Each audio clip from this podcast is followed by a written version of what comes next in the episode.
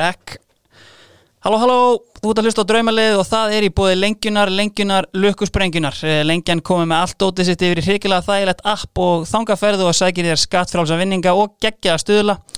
Sæsson Kraftbar, það eru okkar menn í bankastrættinu, ég veit ekki alveg hver staðan verður þegar þessi þáttu fyrir loftið er sannilega algjört þunglindi eins og áfram en fylgjast þið vel með á samfélagsmiðlunum og á session.is veit að Ási getur ekki beðið eftir að rúla með Ása hlákuna aftur og, en ég veit eins og það er að White Fox og Skruf þeir verði í fullu svingi sama hvernig átt að hlusta þáttinn. Hættu þessu tópaksrugli og leggst á kottan sagði maðurinn, litlu nikotin kottan algjör game changer. Ef það er að koma þér í form uh, þá ringir í fjartjálum.is eða verða á netið, eigið getur græða fyrir það æfingar sem þú gerir bara heim í stofunni þegar þú ert í einangrun. Tjekkja á þessum allra fyrst því það er aldrei betri tími til að koma sér í form en núna í þessu þunglindi og talandum þunglindi hvernig væri að fá sér eitt glas af Glacier Gin? Það gæti ekki skemmt stemmingun allavega hægt að fá bæði í meilabúðinu og hjá ríkinu Glacier Gin brugga og skriðjökrum for our pleasure. Svo er það auðvitað vinur okkar í bólholtinu Sútöp Reykjavík sem hafa sigrað hug og hjörtu þjóðarinnar. En talandum það þá er það mjög sambærat við það sem viðmannandi þáttarins gerði þegar hann kom hinga til landsins árið 1989 Hann mætti til Akureyra frá Ósynjak Júkoslavíu til skrafs og ráðagjera eins og tímariti dagur greindi frá í mars 89 og var hans fyrsta verkefni að móka heim rútu þórsliðsins þegar hún festist í blindbíl á Öksnadalsheiðinni á heimlið eftir leik í Reykjavík. Eftir tvö ára á Akureyri söðlaði hann um og held í annað krummaskuð á landsbyðinni þegar hann skrifaði undir samning hjá nýföllnum skagamönnum í fyrstu deldinni en þar var okkar maður fyrirlið og einna burðarásum í einu farsælasta skeiði nokkuð sliðis í íslenski knarpninsögu. Hann var fyrsti erlendi leikmann til að vera valinn besti leikmar Íslandsmótsins árið 1992 og árið eftir var hann næg leikmar ásins. Hann laði skóna endanlega á hillun eftir að hafa verið spílandi þjálfari Grindavíkur árið 95 þá 36 ára gammal en hefur síðan þá þjálfað hér á Íslandi og þá sérstaklega yngri landslið Íslands en snertifleitir hans við íslensku knastbyrna síðustu 30 ári eru gjörsanlega út um allt. Hvort sem það er að hafa gefið þjóðargerseminni Gumma Ben sinn fyrsta leik í íslenska boltanum, sagt Guðmanni Þóri sinni að hann væri engin strækjar heldur hafsend eða sagt Lars Lagerbæk að setja Arafrey Skúlason í vinstri bakverðin. Góða gestir, Lululu, Luka Kostic.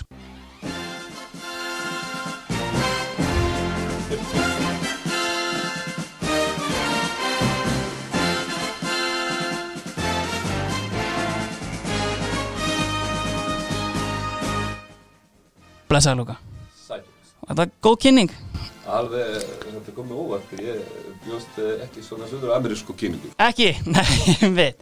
En svona, þú veist, ef við bara förum aðeins yfir þetta og hérna, og hérna pælum í þessu bara, veist, þetta eru komin rúmlega 30 ára á Íslandi núna, búin að vera hérna, þetta er meirinn helmingur æfinar sem þú búin að vera á Akureyri, Akranesi, Grindavík og Höfuborgarsvæðinu og veit þú örgulega spurður að þessu 500 sinnum og í öllum viðtælum sem þú kemur í, en þú veist, bjóstu við því að þú verður hérna svona lengi þegar þú komst hérna fyrst?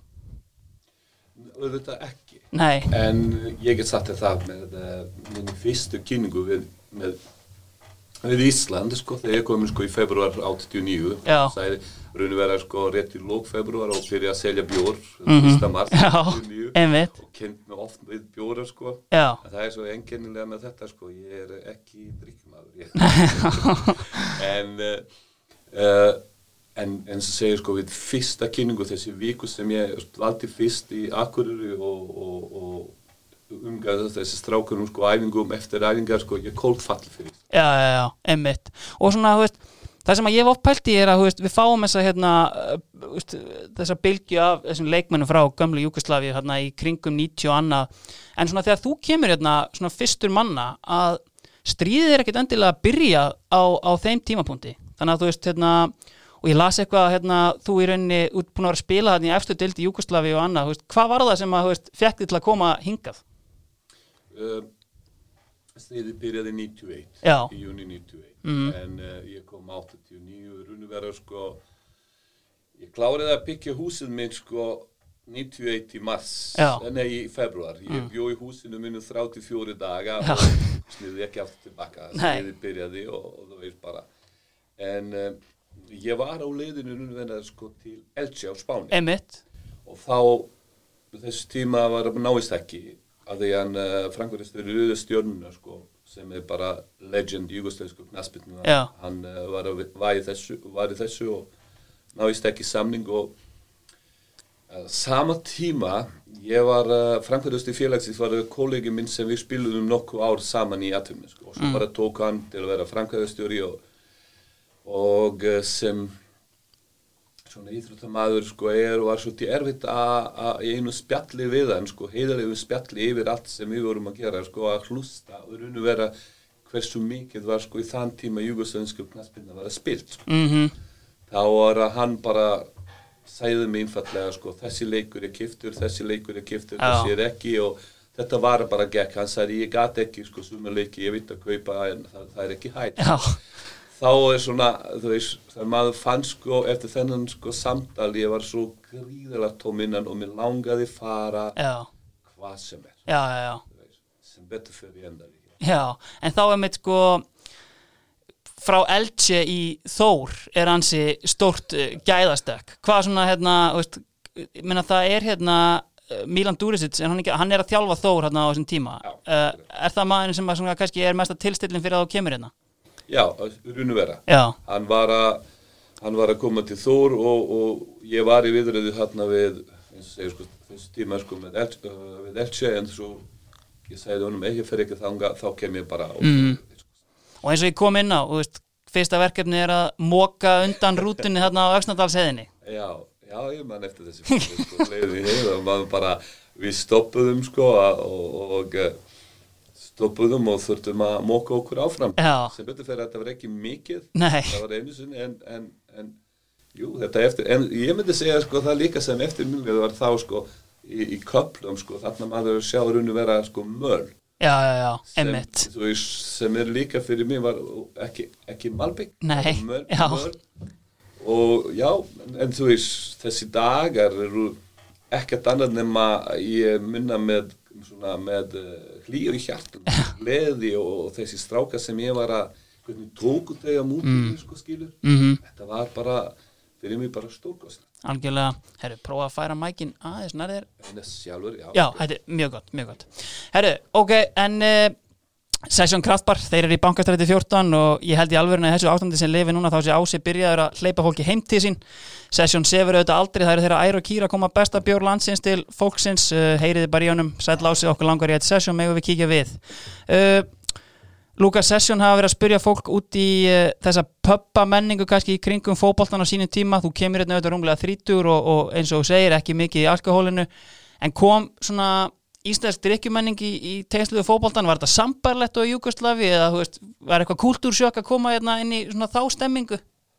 Ég akkurat þegar þú veist mig þennan þátt sko, Já. ég er sko að hlátarkast eftir fyrsta mína sko, Vestmannahelgi á Íslandi. Já, þá er, þú veist, Jugoslavia þessi tíma eins og vera svona ríki sem var ekki Vesturland, Nei, nei. ekki alveg eins og kommunista, við vorum þar á milli. Já, já og konunar í þessu tíma var ekkert að drekka. Nei, nei, nei, þetta var bara ekki þekkt fyrirbæri sko, þarna í Jugoslavia Já, og fyrsta minn fyrsta minn uh, Vesturmanna helgi ég, þú veist bara ég fekk akkurat þess að segja sko kultursjokk finnst það bara sko og, og, og, og þarna voru uh, fólkstelpur, konur sem er jafnvel meira að drekka en, en eigimenn sko.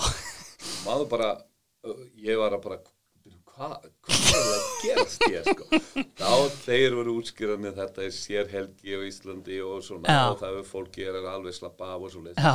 en uh, drikkumenningi í Jugosláfi er bara kallar að drekka. Já, já, já, og það var sko öllum sléttum og ég segi sko leikmenn þau eru sko, jú, tökum sko annarslega eftir leiki. Mhm. Eitthvað meira aðri minna en ekki, ekki eitthvað rosalega mikið samt farið að fagna sigri og Já, já, já stundum erum við bara að fara eftir leikin maður sopna ekki þú, þú veist bara ekki þá fórum við aðeins í, í, í lifið af því leikur eftir sko viku eða jafnveg tvær viku mm. fórum við bara aðeins að jamma og það skemmtilegt og, og, og sumi drukku ekki neitt. Já, aðri, en það var ekki það var ekki í við vorum frekkar sko uh, kynslut sem voru sko gríðarlega mikið já við vorum bara þjálfur eins og skeppnur Já. Alla kynningar sko í þann tíma var sko leikur daginn eftir er sko recovering og þá er sko daginn eftir erfiðasti æfingar. Það er á dag. Mhm. dag er kynning allt annað. Núna er sko dag, annar dag eftir leik áverða sko gera ekki neitt. Einmitt. En við æðum maður bara mann eftir þessi sko terrible leik sko þegar var bara maður er maður ennþá með verki eftir leikin en þá þarna þurfti aftur og og þannig að uh, við vorum bara ég get sagt þetta að hópur sem ég var að sko með. Við vorum frekar mikið atvinnumenn. Hugsa vel um okkur, matinn uh, svona eins mikið eins og var í þessu tíma þekkt. Mhm, uh, svefn, kvilt Mm. ef þú er ekki með, með uh, nælega góðan svefn og kvilt og, og mataræði, það var svolítið erfitt að halda við þá bestum. Algjörlega. Fyrst þú emir kemur inn á þetta uh, ég fekk náttúrulega Sali heimi hérna í þáttin og hérna, hann náttúrulega kannski sambarlegt til þig, hann fer á Selfoss uh, sem er þó náttúrulega ekki eins og í fyrstu del sko, og hann, þú veist, að þú kemur inn á þetta, veist, gríðarlegir atvinnumenn en á þessum tíma er náttúrulega íslenska deildin alltaf því algjör áhuga mennska og það sem að Sali sagði mér bara svona að vantaði proffa, veist, var það svona kannski og var það eitthvað sem að, veist, að því, þegar maður lesi gegnum enn tíma, þú veist, þú kemur inn með miklu trukki og kannski að reyna að bæta standardin, á kannski þórsliðinu þegar þú kemur þarna ég, það verðum bara svona ef við horfum sko deildin, ígústenska deildin á þessu tíma mm. uh, þá er sko 91 Rauðastjarnan var sko vann mestarinn einmitt, nákvæmlega þess að gæði sko leikmanna sem við spiluðum já, eða æfðum sko með það var bara heimsklassa já, okay? ég var frekar heppin að Milan Djuric verðum sko þjálfari minn mm. Og þarna er hann komin sko með nokkuð menn vinnubröð sko sem eins mikið nálega aftur minn sko hætt sé. Einmitt. En auðvitað sko ég var að ég var að úr atvinnum sko þegar þú er sko tvist sinum á dag æfði Já. bara, og þar á milli kvilla sig Mhm. og, og, og bara þessi umingalíf sko skilum að bara varta kundi að skipta peruna og þú veist bara kvilla sig fyrir næsta æfingu og svo leist þá er bara allt í einu maður komin sko í að vinna. Já, og þetta var hell. Ég get sagt já. Ég var gjörsumna, svo gerði ég, ég var í hópninu við sko svona krakkavinnuna valda, en Já. þetta var ótrúlega sko erfið fyrir mig að standa átta tíma sko. já, einmitt.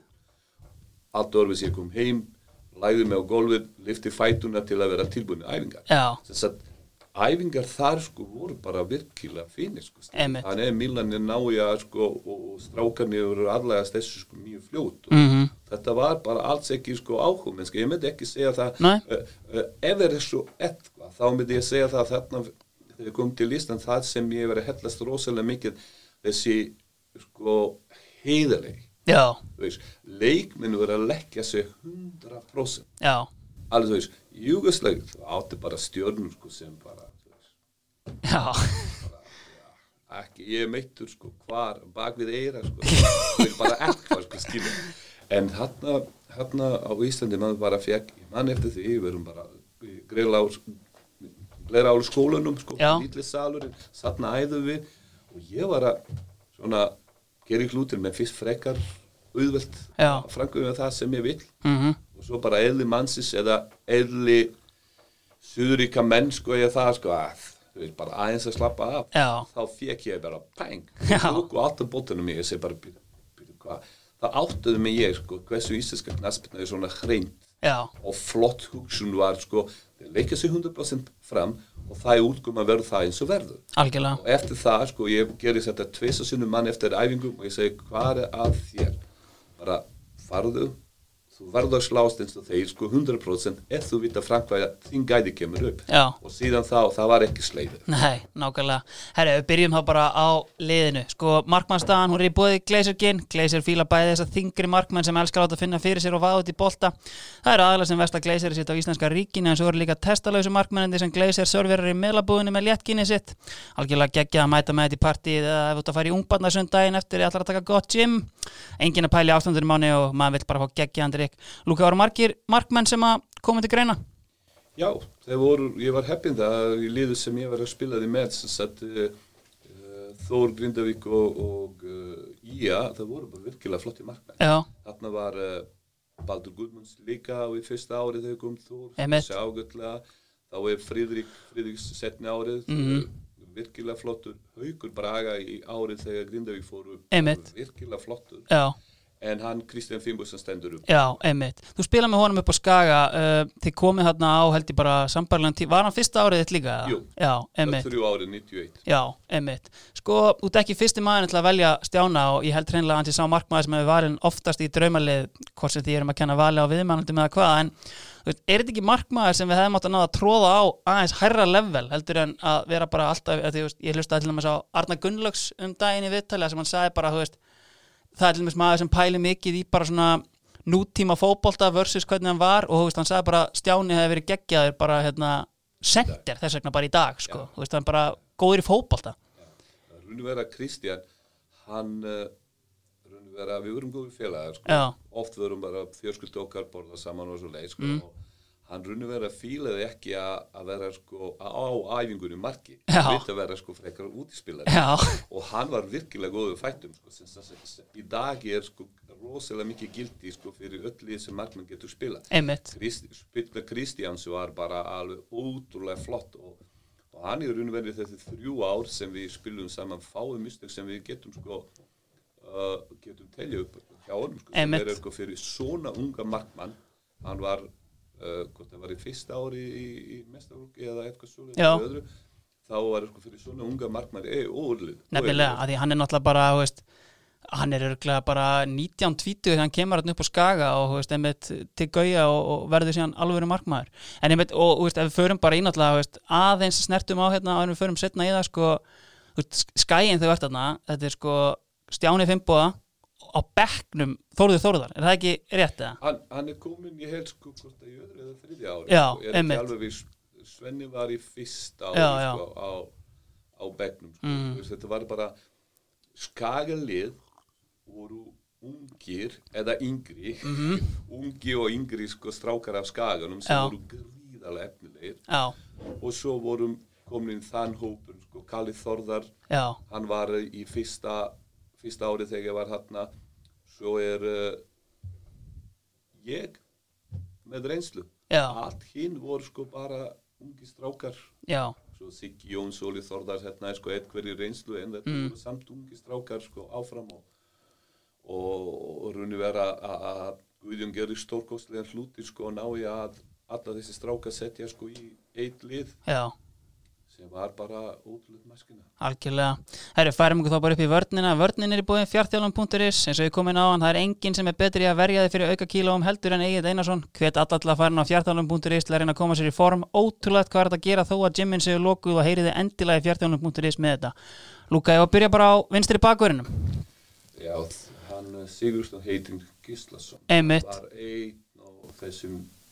bara uppáld leikmönnum minnum og, samerjum sko, hann var bara ótrúlega sko leikmöður sko, getur hlaupið sko leikskilning, tækni.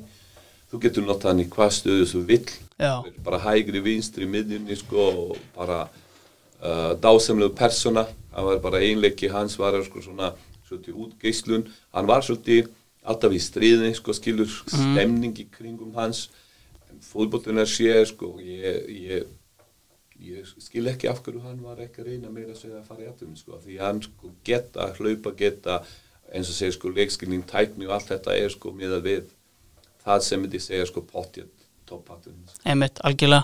Herri, býta aðeins, stoppa þetta aðeins. Það er hérna, það er eins og að sé eitthvað með skríti.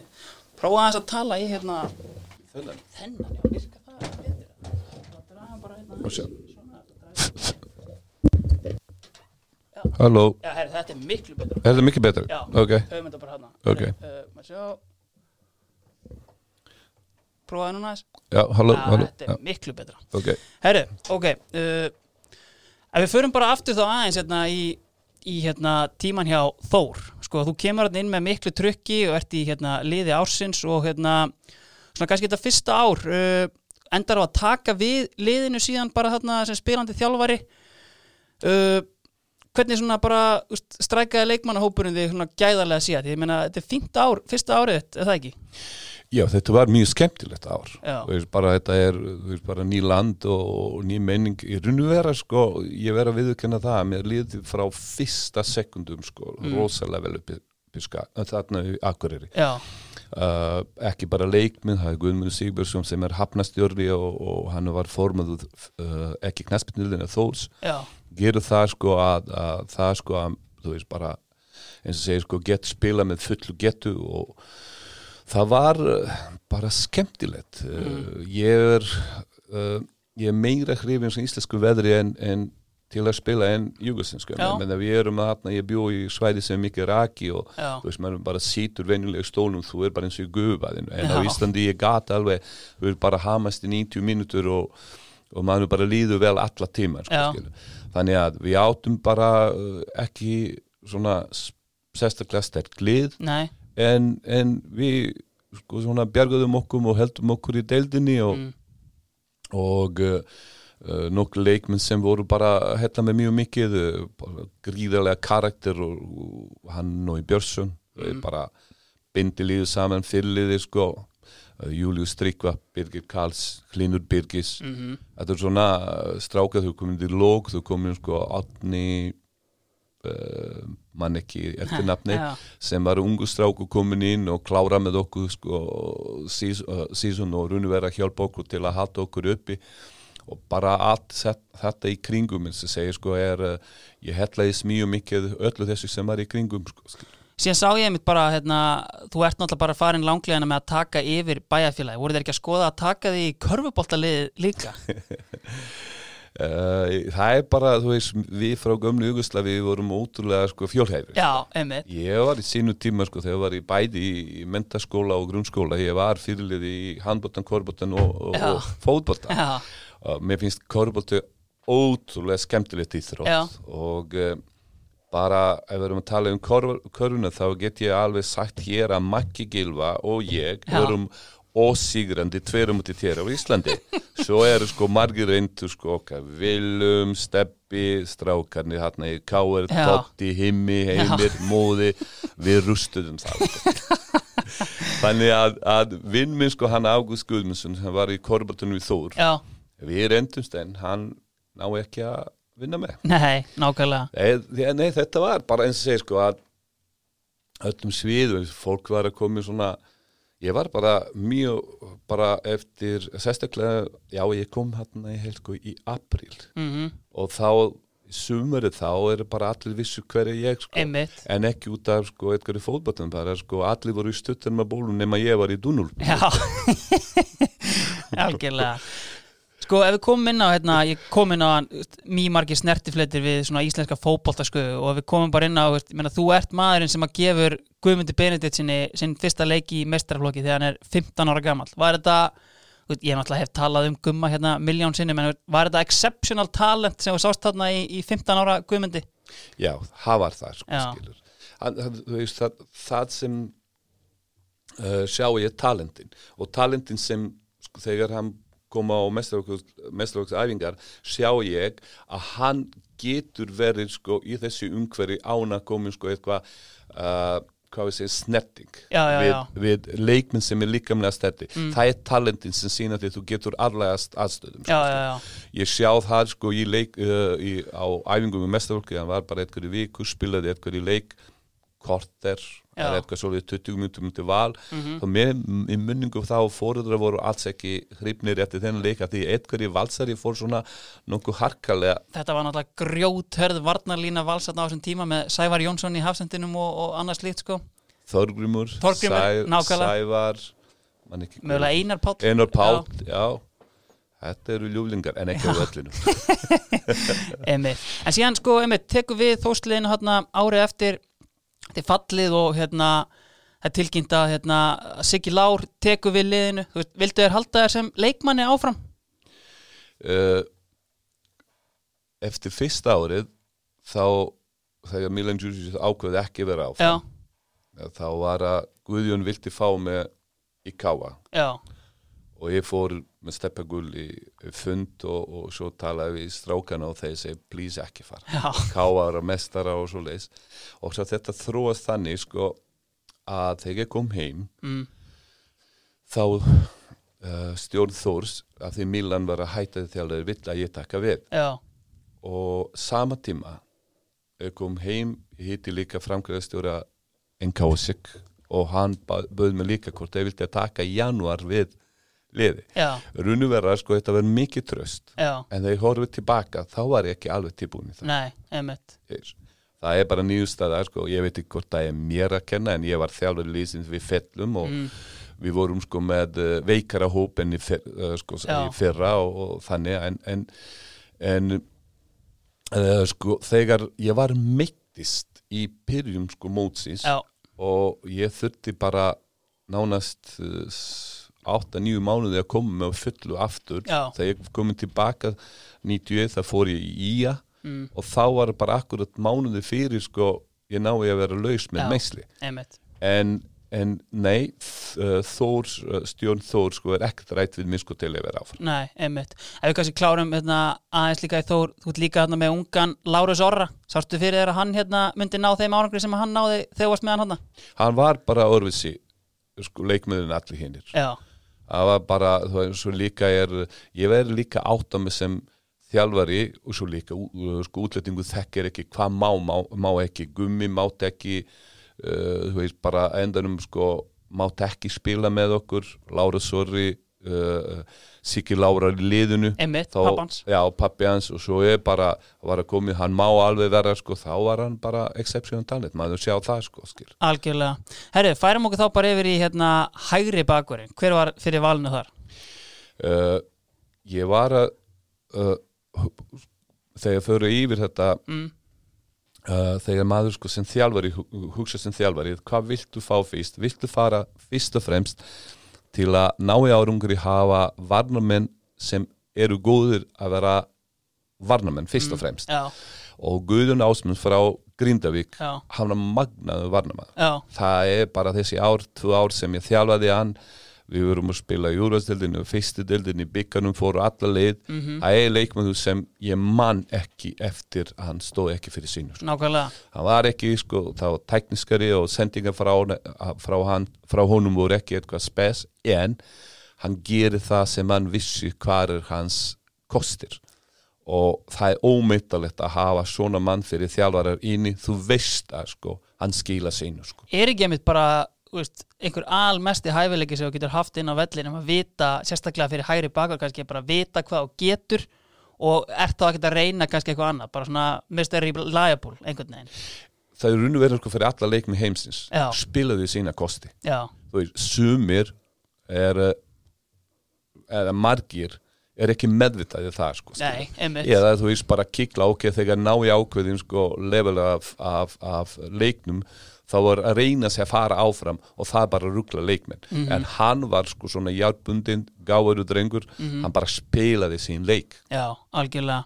Sko tekum við eins og við erum að koma inn á sem spilandi þjálfur hjá Grindavík eftir þarna tímabili 93 upp á Skaga. Þetta var hann 35 ára og þú veist, mér finnst alltaf svona, ég segi það ekki, sko, ekki sorglegt, en ég fæ svona smá eftirsjá þegar ég sé leikmenn hætta á topp leveli búin að spila alla leikina tímabili áður. Hvað svona, þú veist, fannst þér þú bara svona einhvern veginn leið þér eins og væri bara búin með þetta sem leikmaður einhvern veginn á þessum tímapunkti? Þetta var ótrúlegt áraðna 93 upp á skaga. Auðvitað er þetta svona hvað við segjum þunn lína á milli hvað er það þú lenda sko, mm en uh, sko á þessu mómenti ég er búin að vera að vera að vinna allt með því 91, 92, 93 við erum búin að byggja og deilt og frábært leika mútið fænur sem ég átum alla pakkan mhm, finnst mér ok, núna er þetta komin sko tími, þetta er lið í topp ástandi framtíði hérna 100% bjart þú veist bara ekkert sem þú þarf hugsa sko annars hér nema þú veist bara mér langa byrja að þjálfa. Já, ok, ég fekk, ég satt við eitt magnaðasta formanni sem ég mann eða bara sem íti í mínu æfi sko er Gunnar Sigursson Sig, já. hann segir mér svona Luka, hann lítur út að Guðjunni fara til KR mhm, og uh, þú ef þú vill, taktu bara við liðinu. Ef Guðjunni verður áfram ef þú vill vera bara aðstöða þjálfari uh, bara eða viltu spila eitt ári viðbóð bara, og við vorum að ræða þetta hvort það voru þrjár vikur við hittum snokku sinnum fara yfir þetta. En í þann, þann tíma sko Milan Jankovic sem ég spilaði með í atverðminnskunum já, og var sko að spila með Grindavík og, eh, og sko mér langaði þann tíma gríðilega mikið að byrja að þjálfa. -hmm. svo bara þróa þetta á endanum sem Gunni sæði sæði eitthvað sem er ótrúlega fyndin er dagsatt hann sæði, já já Lúka minn. Ok, faruð bara. Faruð til Grindavík og Guðjunni fara til Káar en veistu hvað, það skiptir yngum máli hverju leikminn og þjálfara, það skiptir máli hverju formaður. Já, þetta er óbúslega fyndin en þetta er dagsatt. Já, nákvæmlega. Ef þú hafa sko formann eins og hann þá leiði það hann sko til upp í toppin sko skilur, og það náttúrulega reyndist síðan raunina því það var, þú veist, ég það skæin verður hérna skæin vinnur hérna fjögur ári röð og ég meina þetta eru þrýra eða fjóri þjálfara sem að gera það sko einmitt. en einmitt þarna sko líka sem að pælir í að þú fær íslenska ríkisborgarétt þarna vorið 93 og þú veist það er nánast bara ákall frá þjóðinni um að fá Luka Kostins í landslið og einhvern veginn Ásgeir Eliasson er hann að þjálfa hefur viljað ná, var einhvern tíman að prótsa þig um að taka leik? uh, það myndi vera ótrúlega heiður Já, og uh, bara um daginn ekki svo lungu síðan það aldrei gerist áður fyrir sko skilur en poppaði sko eins og akkurat þessi vandun sko að því bara þú veist uh, Íslandi er sko fyrir mig sko jafn mikið og Jugoslavia mm. -hmm. börnum fætist hér og þú veist bara upplifa magnaða tíma sko Mhm. skilur og það kom sko bara hei, er það bara allt í einu sko sár eru þessu sko og þá ég bara þú veist bara já ég ver- ég verð að segja þetta að Já. sko vanda að því ég verð að fór sko þessi þjálfari ferillin sem fór leikmenni ferillin eins og var Mm. en svo vandar það sko en mér sýnist það sko að ég var einu sinni mjög nálægt að spila þegar Guðni Bergs var mittur mhm, og því miður sko þegar átti hjá, ég held sko hann var hjá Tottenham átti frábæra sko sjúkla þjálfari að lækna hann sko, Já. og ég fekk ekki þann leik já, einmitt en, en jú, ég verð að segja það sko að, að Það hefur verið í toppurinn dag, Já. já. í dag ég finn sko það er kannski það eina sem myndi ég segja sko sakna að sem ég náði ekki að myndi vilja hafa það Algjörlega. Ef við færum okkur þá bara inn í hafsendana, þú ert búin að minnast á hann Milan Stefán Jankovic bara svona, þú veist Milan kemur hérna auðvitað með gott track record og ég, ég eiginlega bara gef mér það að hann komið hérna svolítið fyrir þína tilstilli ég meina út af tengingunni og tala kannski um, nú mikið talað um hérna svona bestu útlendingana sem hafa spilað hérna og mér finnst kannski eins og leikmaður eins og hann og síðar með einmitt sinns að Kekits kannski leikmenn sem að líða fyrir það að hafa ekki tekið skrefið í kannski aðeins stærri lið en er þetta ekki klálega svona með betri útlendingum sem við hefum fengið hérna?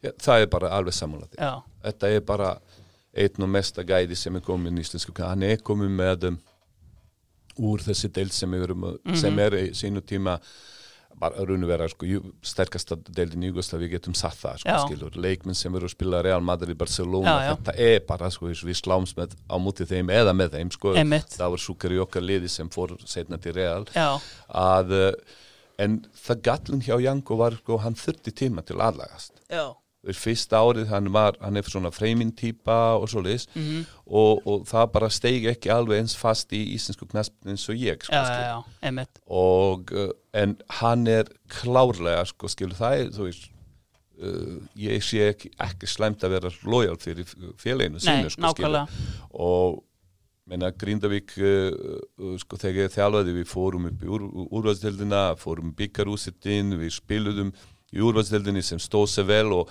hann er búin að vera sko fekk viðurkynni fyrir sínu sko framistöðu já. en, en jú, hann er hann var líka byrjuð svona í Jugosláfi fyrsta árið var svona Mhm. en svo eftir það hann bara sprakk út og bara virkilega flottur sko. Einmitt. Sko við farið þarna, einmitt, þú kemur og tekur við Grindavík sem er þá í fyrstu deildinu og Grindavík er á þessum tíma klúbbur sem aldrei hefur farið upp í úrvalsdeildina og, og hérna, einmitt, 94 uh, deildarmeistarar hérna í, í, í fyrstu deildinni og, og náttúrulega þessi þessi byggarústættarleikur sem þið farið í sem bara leiði fyrstu deild, vinnið hérna FH og stjörnuna í rosalegum leikjum í vítakeppninni. Byggarústættarleikurinn sjálfur sér eftir að hafa ekki startað sjálfur eða bara í byrjunarleginu alls ekki, alls ekki. Ég var bara ég var, þú veist, bara haldið mig við spilaði svona okkur margar leikir en bútar af þessum leikum sko. Já. ég var langt frá því til að vera sko, sama, sama formi og sem ég var áður áður áður já, já, já, og þarna, mér, ég horfði þennan leik sko fyrir tveim og þreim mánuðum þegar við komum tímanum Einmitt, já. mér finnst bara við spilum þetta nokkuð vel Já. auðvitað Káur var að sterkara lið Já, já. og þú veist, það var betra lið og, og, og, og vinnuð verskutæðin sko. Mm. en við vorum bara virkilega flotti og mér finnst minn minn, eh, minn þáttaka í leiknum er bara átt ekki vera neitt meira raun vera í, Já. í þessu punkti þegar ég þegar ég var að skipta út, ég verð ekki skipta mig sjálfur að Nei. Palma Ingos aðstofa þjálfur mig, Luka þú fer í og þú veist, ég hlýtti honum og, en mér finnst þetta er, ég átti ekki þann power mm, sem ég þurfti til að geta sko snúa þessu já ég var þáttakandi mm, en átti ekki áhrif á leik. Nei, þú færð þarna, þú veist góða leikmenn til þín hérna í, í liðið, ég meina Gæjar sækir hérna til dæmis, tekur Sigga Sigursteins með þér á Grindavík og hérna og náttúrulega Inga Sig. Uh, og þetta svona burðar ásæður einhvern veginn veist, góðir fyrir liðið að fá inn kannski í þetta liðið einmitt sem að svona vantaði kannski einmitt þess að þekkingu til að kannski komast upp í, í eftir dild það er, þetta er bara ótrúlega frábæri karakterar. Já, þetta er sko runni vera ef þú viltu búa til lið þú þarf að hafa karakterar. Mhm, og þeir sko heimamenn og og var þetta mjög góðu grunnur. Og með Inga Sig og, og Sigga Sigurstein við erum búin að loka nokkuð hringinu sko, og haukur bragarinn verið í marki. En við erum að tala bara með Inga Sig þetta, bara, þetta var ótrúlega getta. Já, skap, gáða ég meina þetta er eini leikmyndu sem ég lefði til að haga sig eins og hann vill á völlinu. leikmynd, þú veist, ég var gríðarlega hard, harður við strákana þegar þeir eitthvað garga á dómara, ég bara vildi að þeir innbetta sér leiknum láta dómara. Já, en þegar yngi sig æsa sig við dómara þá allir strákar, hey, bara yngi og ég segi, "Leit- láta honum vera. Byrju hvað, hann má en við má ekki. Ég segi, já, máli snýst að yngi segi, ef gengur ekki hjá honum vel já. hann verður að finna eitthvað þú Það keira sig í gang. Á, Já, og það bara hellis ef við dómara. Hann fekk ekki mikið að spjöldum sko, það eitt, tvö sko skilu Já. en eftir það, yngi var óslundandi þá á öllinu sko, Siggi var bara komið úr þessi skaga liðinu sko, Mhm. sem er hágæði og bara hann performa stórkostlega, er búin að vera alveg meira átta sko fyrir okkur. Algjörlega. Og hver er síðan síðasti maðurinn í, í vörninni, hinn hafsendin? Óli Adolfs, Já, einmitt. Sko ég man fyrst og fremst eftir bróður hans, Steinari, en svona, þú tala við marga og klárt mála Óli bara svona algjör líkil hlekkur svona í þessu skagaliði þarna á þessum árum sem þú þarna til dæmis. ég, hann, hann var bara ég held að sko að hann sjálfur er ekki meðvitaður sko hversu góður hann. Einmitt. ég, ég er búin að vera í há, eins og segir sko hefi aðtuminskunni en Óli Adolfs segir sá bestu sem ég verið sko að spila varnum Já, hann, hérna, sko, fólk er ofta að horfa á hans uh, tæknilega getu í pottan. En hann var eins og Guðjón. Já, hann vissi hvað er hans kostir. Mhm, ég er sko Óli og ég í þrjú ár sem spilum saman. Það var bara aldrei komin eitthvað í klauf, sko skilum við hlaupum saman, en það gerist ekki. Einmitt.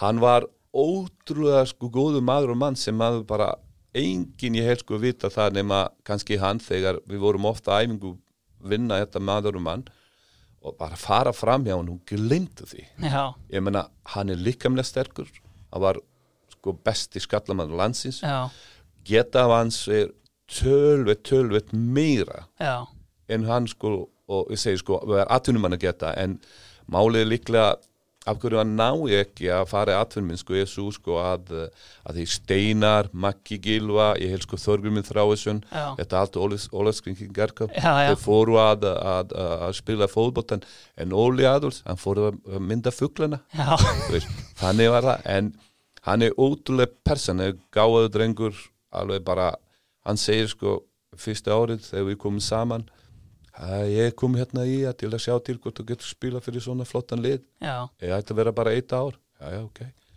Ár eftir að hann var þarna við sem býtum hvað þú gera hér. Að mér langa að sjá til hvort ég getur spila í úrvæðsdeldin já, já, ok. Ár eftir var að, hvað, ég ætla að vera bara eitt ár.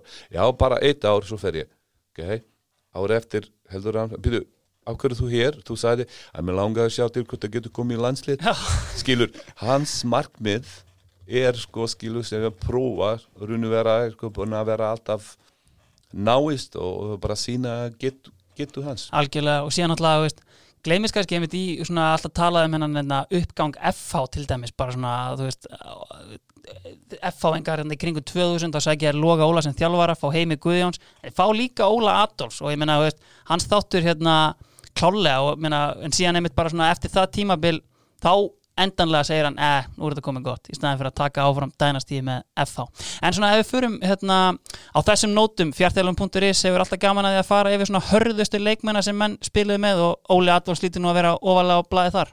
Hann er bara hardasti sem ég hefur spilað. Já, það var svo erfitt sko, þú veist að á æfingu er alltaf þannig langið því stundum að njóta hann í svona án að vera eitthvað í skilirði Já. þú vilt bara njóta æfinguna fara að gera og ég verður varnamaður langum en fara í sókn. Já, þú veist, sókn og gera eitthvað í svona hælspilnu eða eitthvað svolítið það maður gerir ekki þetta kringum Óla Þór- Nei. Óla Adolfs, Já. hann bara getur þér sko, viltu fara í jörðinni eða, eða í loftinu eða hvernig sem er. Er bara alltaf on. Já, svo við erum bara líka herbyggisfélagar sko skilur, við erum alltaf að eitthvað í keppni, það var sko skilur hann var frá sko sem myndi segja sko langharðasti. Algjörlega. Herru, færum okkur þá upp á miðjuna. Þetta er fjöguramanna miðja og hún er að sjálfsögðu bóði White Fox og Skruf, kottarnir sem hafa breytt þessum nikotínleika á Íslandi. Þjóðun tók afstöðu gegn nefntópakinu. Það var ágætt í sín sprúks en tímandi breytast og menniti með og nú eru allir koni með þessa fersku kotta. Skrufi fyrir brættegundinar, White Fox fyrir hreinan styrk og buzz. Lúka, ef við bara byrja á vinstri kantinu kannski. Það verður, Haraldur Ingos. Já, það er svona maður sem hefur ekki alveg fengið nægilega mikla ást hérna í, í draumarleginu þó ég hef fengið slatta af skagamannum en við erum alltaf að tala um bara einn eitt stóðsendingasta leikmann eftir delta frá upphafi mann sem á 20 aðlagsleiki One Club Legend upp á skaga veist, er þetta ekki bara veist, með betri kantmönu sem við séum í deldinni? Ég, ég myndi segja það að þeir sko, þeir ver, við verðum líka að vera meðvitaðir sko um hans hlaupagett. Mm -hmm. Við, erum að tala hversu marga stótsendingar átti fyrirgafir hans voru að skila át mörgum beintum aukarspilnum Mm. en við erum að, ég er að mest að ég hugsa til hans er hversu mikið hann skilaði fyrir lið. Já, hlaupageta var hans og svæði sem hann lokaði, það var ekki bara lína sko, svæði sem hann lokaði sko í, í fyrir okkur varnamenn. Og ég sem hafsend og eru sko kalla hann sko, það var aldrei að klikka hatti. Maður vissi það að myndi skila sín sko, já, og það er þetta sko, sem, sem er uh, ég sé fyrir hann auðvitað þessi tækningetta og mörgun sem hann skoraði og, og aukarspinnur og ko- horn allt þetta sem skapaði og, og, og, og ekki bara skapaði þau skorum mörgun eru eitthvað sem teljist en þetta sem er sko dyrmættasta fyrir mig sem hafsendi þessu liði að sjá að hatti þarna ég þurfti ekki hugsa sko Nei. hvort en þarna eða ekki Já. hann var þarna, Einmitt. hann skilaði vel varnavinnu hann skilaði, hann var ekki hardast í tækningum en hann var þar sko skilur sem oft duga fyrir okkur. -hmm. og þá er bara samspil sem þú getur alltaf byggt í kringum hans vinstri fót sem er líka sko þessi uh, orðfætti minu alltaf svona dyrmætti sko til að hafa í liðu og hans fót var bara stórkostlegt. Algjörlega. Sko ræðin það aðeins svona tíma hérna upp á skaga. Þú klára tímabilið 90 eins og við erum búin að koma inn á sem spilandi þjálfari Þórs. Uh, Sko voru mörg félög í bóði þegar þú ákveður að velja skagan ég held sko að var mann voru eitthvað í sjöli Já, að ég meina þú ert þarna að klára þú veist, þú er búin að vera með betri leikmennu deildarinnar og ákveður að fara í fyrstu deildarlið skagan hvernig var þér selt þetta einhvern veginn svona að ég meina maður bara gefur sér að lið til dæmis eins og K.R. hafi hringt og svona þessi topp klúpar en hvað svona við skagan var það sem að ja, voru einhver önnur mynd eða önnur lið sterklega í myndinni? það var Káar í þeinu tíma sko, hann Pétur Pétursson, hann vildi gríðilega mikið fá mig inn í Káar mm og hann var maður, ég held sko líka jafnvel, ef ég mann rétt líka hann uh, Geir Þorsteins. Já. það var ekki en ég bara mann ekki nákvæm mm Mhm. uh, Skæin, þú veist ég var uh, eftir tvö ár á Íslandi byrja að þekkja. Já, þú veist bara hvernig er svona uh, íslenska knaspina, hvað er uh, sko gott að vera og svona mm. og uh, þegar það er að byrja að hugsa um, um skæin það var alltaf að tala þetta svona þessi bæri sko algjörlega knaspinum bær já, það er það sko sem ég hugsa ok, þetta er nokkuð menn eins og er heima í Jugosláfi svona partur sko svona sko ástriða sem er sko í bænum sko er eitthvað sem myndi líða mig vel ég hef mitt bara veist, oft pælt í svo að þið tala um skagan í dag og veist svona alltaf þessi krafa á skagan um að vera topp lið en þú veist, í stóra saminginu er þetta 6-7 manna bæjarfélag og það er ekkert eðlilegt að gera þá kröfu á svona lið en veist, þessi tímar þarna upp á skaga á þessum tíma eru náttúrulega eiginlega bara svona ótrúleir og bara, við munum örgulega aldrei sjá svona aftur frá jafn litlu bæjarfélagi í rauninni sko. Já, ég, ég get alveg tekið undir sko. við, erum, við erum að tala um liðin sem er Fennurd Fennurd er sko þessu tíma var einn og besti liðin Já, já. sko í Evropu þetta er sko breyti tíma í dag eh, sko holandski fótboll er ekki eins hátt eins og í þann tíma. En við vinnum þann lið og við vorum líka hásbreyt að fara áfram að því við erum sko eitthvað í fimm mínútur eftir 2-0 fyrir Fennurd Já. við áttum dauða færi Já, sem við náum ekki klára. Einmitt og svo bara opnaði skátt við reyndum að jafna og þá komið þriðja mark en þarna ef við erum skora, hugsaðu það það, og geta þennan lýtsins er bara og meina uh, Ég meina það er viðtöl við leikmenn Feyenoord sem segja bara, veist, það er ekki sjens að þessi menn séu, ekki bara fullblón atvinnumenn, sko. Það er náttúrulega bara þannig sem standardin var þarna. en já, standardin runni vera að þetta var talentin Já, veist, þetta var bara magnað, þú veist, bara Arnar Bjarki, Totti, sko, þetta voru bara krakkar, þetta Já. voru ekki var, bara talentin sem bjór þetta, þú veist, þegar ég ég fann mig upp í skagunum ég, mér vandar svona að lifta mig upp sko að formið kannski byrja þetta niður, ég eldi bara Arnar eða Já. Bjarka, þú veist, bara æfingu ég fer bara æfingu, þú veist, þú kvíkir og bara mann þurfti að fullgumlega sko svona vera 100% tilbúin til að fara ekki vera ekki gera fipp af þér sko Já, æfingu sko þeir voru og ég bara eldi þá sko, ég veit ekki hvort að þeir vissu það eða ekki, en ég var bara eldi þá lifta formin minn sko og steinum mig, ég bara fann alltaf að ég getur bera saman með þessi uh, háatuminsku sem varu í Júgoslavi þarna voru bara stráka sem gerur það eins og gerur sko inn í háatumi algjörlega. Herru, ef við þá taka hægri kantinn? Það er bara það er fáið sem getur komið til greina þar sko nema Óli Þorðar Einmitt. hann er uh, þú veist, það er ofta er að fólk er að tala um hversu mikið skapundur er sko völlinu og, og, og allt, en hann er sko var líka jafn miklu í klefanum sko. Já, þetta er sígur vilja sem var sko, sem var hann kominn með sér sko í 92 voru mestarar, hann kom í 93 lið, Mhm. er að magnað. Hann er bara, veist, við erum vinna lið 2, 3, 4, 0, 5 það er bara fögnum og það er bara fyrsti maður sem segja næsti leik. Þú veist, með, með runum vera sko, svo finn það sko þessi orku, þessi meining sko, skilur, þú veist bara hann elskaði sigrar sko, skilur. Og hann komin sko klárlega í okkar lið til að lifta okkur það sko sem við voru þann ár ba ekki bara á völlinu það er líka fyrir út ég meina, Sigur Vilji hans var svo sterk, ég, var að, ég fekk að heyra sögu strákanum, þeir voru að spila sjö múti sjö, já, Óli var með boltan þetta var hans bolti og það er eitthvað í hans liði gerir mistök, hann bara rak heim. Það er bara svo ekki hérna elsku mamma minn Já. og enda sjö múti eitt. Og hann segir sko, ok, strákan hann ná í boltan, þeir skoruðu hann ná í boltan, þeir skoruðu. Þá segir þeir sko, strákan hinn, þetta er bara svo ekki skemmt, förum bara heim og þá segir Óli Kors, ok, þið töpuðu þið gafist upp. Og, og ég spurði Óla 20 ára setna Óli, er þetta sagt? Já, þið gafist upp.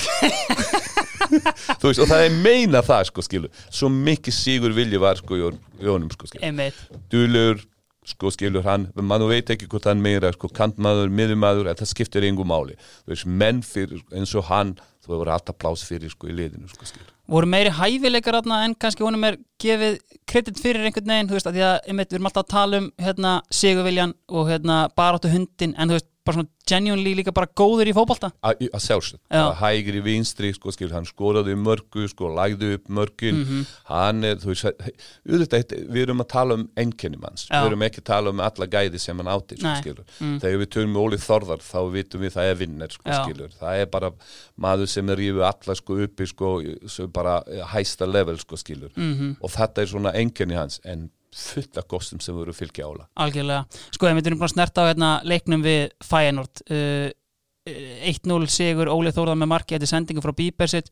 Sko, eftir hennar leik þá bara, veist, þá eru blöðin stútfull af hugmyndum um hvort að þetta skagalið væri ekki bara einfallega það gott að þeir eru að setja upp einhvers konar atvinnumennsku form Uh, í dag höfum við sett upp svona einhversslag svona hálf atvinnumennsku svona, nú hefur verið lengi viðlóðandi íslenska boltan svona, hvernig finnst þér svona frá þessum leik sem ég vil meina að sé svona ákveðin svona pinnakul í bara svona íslenskri Európikeppni og, og svoleiðis, hvernig finnst þér þróunin vera bara svona í íslenskum fótbolta og bara svona hjá klúbunum í dag, hvernig þetta er rekið og, og svona hvað við erum að gera rétt og, og hvað ránt Ég með langar fyrst að segja sko, Óli fór ekki sko í eina viku í styrtu, reyndar sko fór í styrtu en ekki ennið sko skilu en, en ég verður bara að viðkynna það sko bara, þetta var í sumar við verðum bara aðeins að hugsa um þessi Evropu gefni íslenski liða, Já. mér finnst við vorum þar nær, ég meina K.R. sínu tíma var líka mjög nár F.A. í sínu tíma var mjög nær ég, ég myndi segja að þetta er kannski eini svo íslenska knaspinu, breytinga íslenska knaspinu er dramatiska, sko. Mér finnst það er bara stórkostöðu breytinga, umfyllun völlir, sko, uh, sko mentun og allt þetta saman. En mér finnst þetta svo til vombriði að við erum ekki náði lengri en þetta. Finnst þér sko, eitt sem ég er svolítið pælt í er svona, þú veist, þegar við erum til dæmis, þegar landsliðið okkar er kannski hérna slakara, þú veist, og við erum ekki að ná úrslitum, þá erum við samt með leikmenn sem eru að spila í hérna í League og, og svoleiðis og manni finnst kannski með hérna hallarvæðingunni, knattspyrnu húsunum og annað mér finnst við að einhverju leiti hafa svona tapað þeim gildum sem komu gaurum eins og Brynjari Bytni, Jóhannesi Karli og þessum gauri veist, og, og í rauninni hægt að segja þetta með Aron Einar líka veist, við erum einhvern veginn ekki lengur að búa til veist, þessa menn með þetta sem var íslenska geðveikin að einhverju leiti og nú erum við meira á hérna, veist, vonarstjörnundar okkar í dag eru Arnur Sig og Albert en okkur vantar kannski Hemma Reyðars, Aron Einar. Ef eru svona eitthvað pælt í þessu?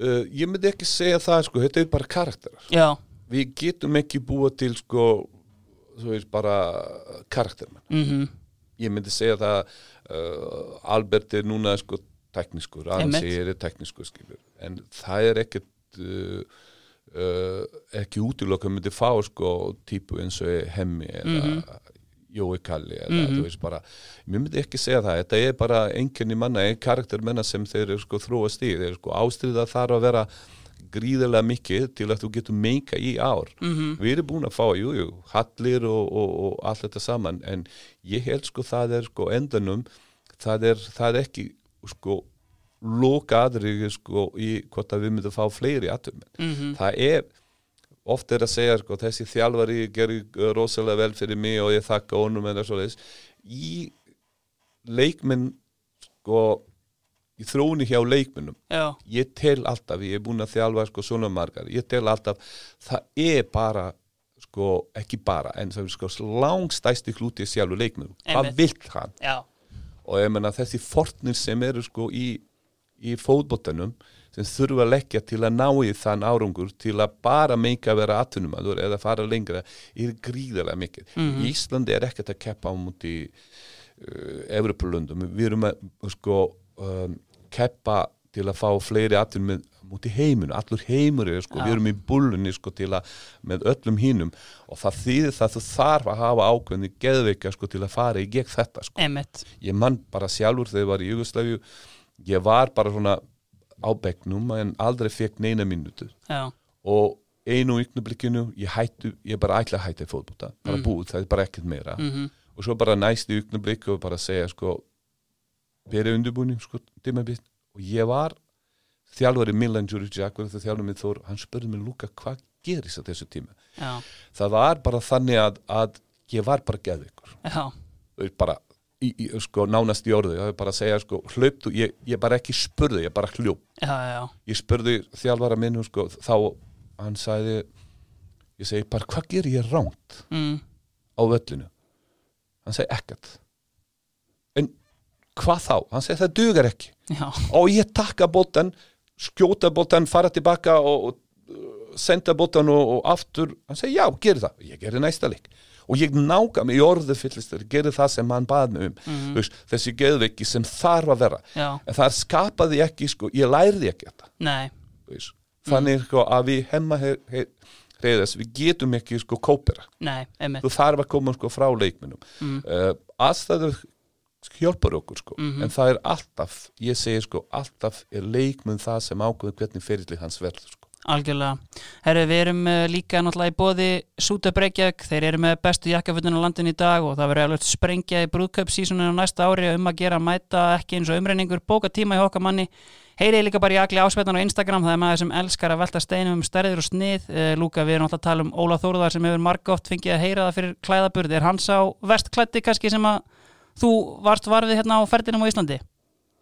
Það er bara þetta klára. Ég sjá hann ekki öð, öðruvísi í vinnungalanum. Ég var hann í sko, smiðaverstæði, hann var með vörubild, ég sjá hann þannig klæta og svo var æfingu, sko, hann var bara í æfingagalunum.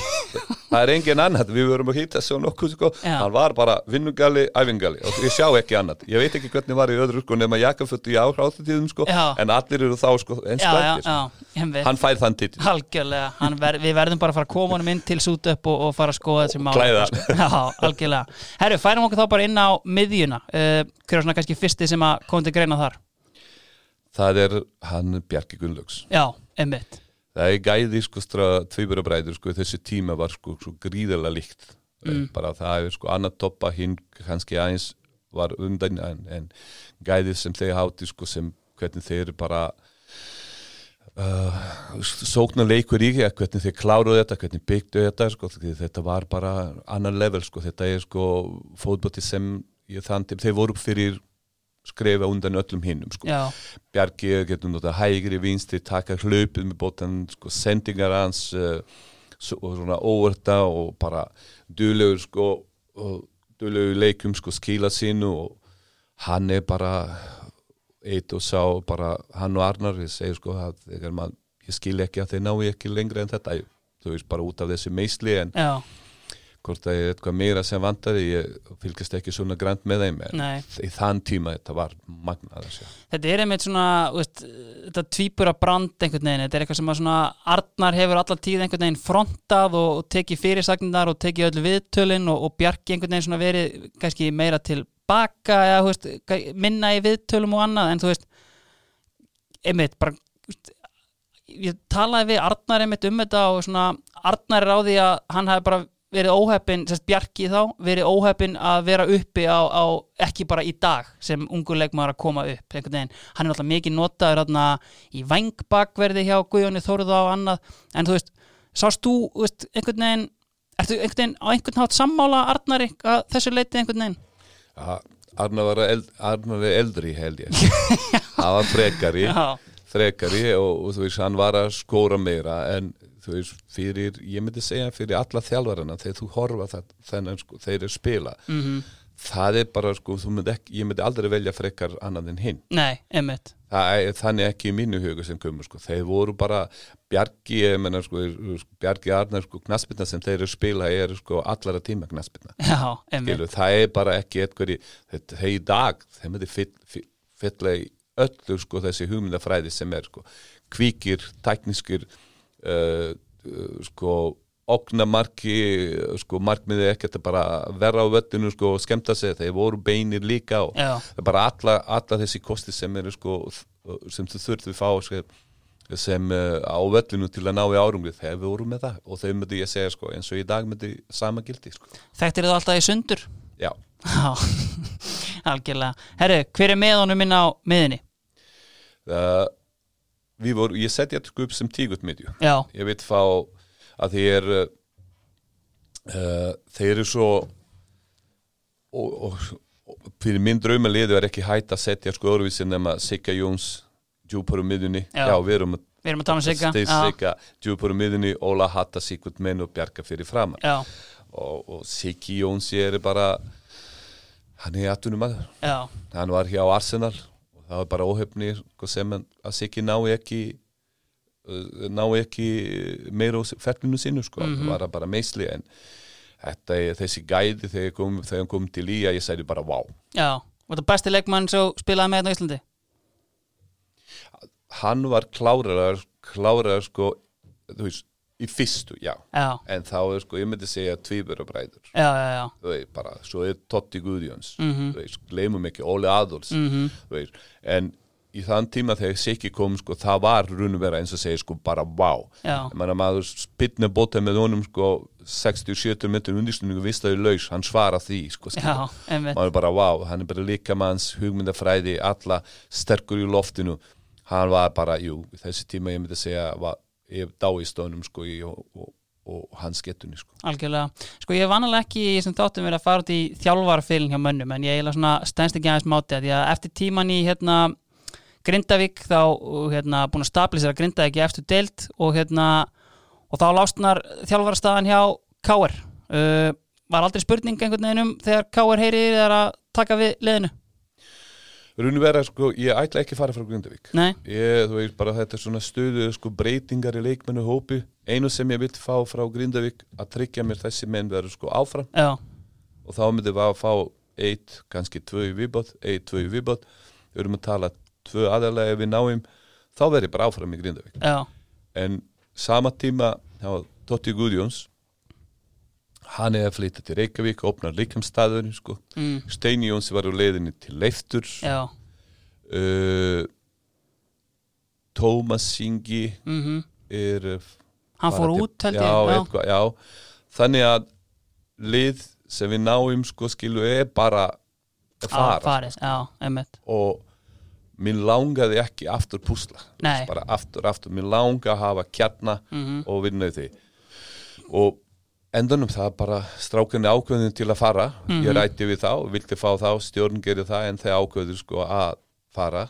Mhm. ja, sko, og þá bara kom káir og ég tók við. Mm Sko fyrir tímabili þú, þú færir ykkar daða inn í káarliðið og þú veist, þetta káarlið 96 er sannilega eitt albesta liðið til að í rauninni vinna ekki Íslandsmeistaratitilin og ég meina, hvernig lítur þið tilbaka á þetta 96 ár, þetta er náttúrulega endar hérna í ústættaleiku upp á Skaga en svona mikil eftir sjá að hafa ekki náða að klára titilin auðvitað, auðvitað maður myndi vilja fá það og mér finnst það bara þú veist, fótbolti sem við spiluðum sko skilur. Já, í fótbolti sem við spiluðum var bara virkilega flott og við erum með stöðuleika bara, bara fyrir hluti mótsins þetta bara gekk, eins og allt eins og lindi en, en svo bara setning hluti mótsins þá er 3-3-3 sko skilur. Og þá er uh, þrý sigrar þrjú, þrjú jafntefli þessi þrjú jafntefli þetta voru leiki sem gáttu farið með uh, ég taldi einu sinni við áttum 17 færi sko sem Já. kláruðum ekki. Já, þú veist bara einum leik og það fór ekki inn en það er bara eitthvað ástæða í því mhm, fyrir því sko sem fór ekki þetta. Mhm. Uh, ég spáði ekki rosalega mikið í uh, sko hvað var það. Nei, en uh, en uh, ef við erum að tala bara uh, pjúra úsitaleik já, upp í skaganum mhm, þá ég var ekki tilbúin sem þjálfari. Nei.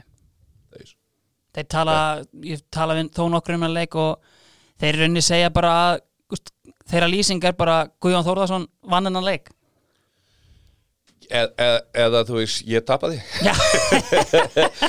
Nei, mér, nú þegar ég fór tilbaka á alla þessi reynslu þá sé ég sko skilur Mm. veist, uh, við töpum ekki í og vera mótinu á þessum leik. Við áttum fyrir löngu klára það Já. sko skilur en eitthvað hlutan vegna fór ekki þetta leið.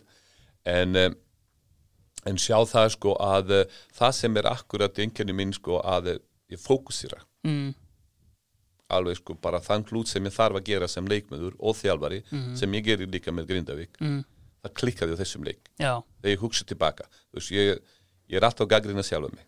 Það er bara svona fyrsta skref sem ég gerir. Ok, hvað getur þú gæt betur? Og tel ég sko skilur það er það sko sem mér finnst það mhm, í dag að við náum ekki betur. Ég, við erum missa þarna einar þór úr, sko, úr liði sko, með rauðja spjálta múti, veitum hverju múti fram eða svo mm. sko, og, smá missa jafnvæg en ég er sko ég, gat, ég veit hvort það myndi duga ef ég myndi gera þetta sko betra sko skilur það ekki. En raun og vera ég myndi segja það sko þarna átti ég að gera sko örvissi undirbúning fyrir lið mhm. Sko ég tók eftir einu viðtali við þig hérna, í rauninni fyrir mótið er að þú ert í rauninni að taka hérna, við einu besta liði landsins, leikmannahóp og það sem þú gerir er rauninni bara að kafa í bara grunnatriðin bara, þú veist, og kannski eitthvað sem að allan að fólki í fjölmiðlum fannst að skríti, bara, þú veist, klukkutími bara í bara virkilega basic sendingaræfingar. Var þetta eitthvað sem að þú svona horfðir á sem svona, þú veist, er, þú veist það þarf að bæta þetta að einhverju leiti, þú veist, bara í íslensku fótbolta yfir höfuð, bara svona grunntækni sem hefur kannski síðan orðið bara sína þínar svona ær og kýr í setni tíðu svona, þú veist, góðar tæknaðingar og, og svoleiðis það er sko, þetta er ránt það var uppbyttin sem voru tækniæfingar það var aðal, aðal aðrið æfingu sko og svo spil. Þetta var upp, uppsetning hjá mínum öllum æfingu mm. hins vega, ég var alltaf að leiða þetta leikmenn sko teknilega já, já, já.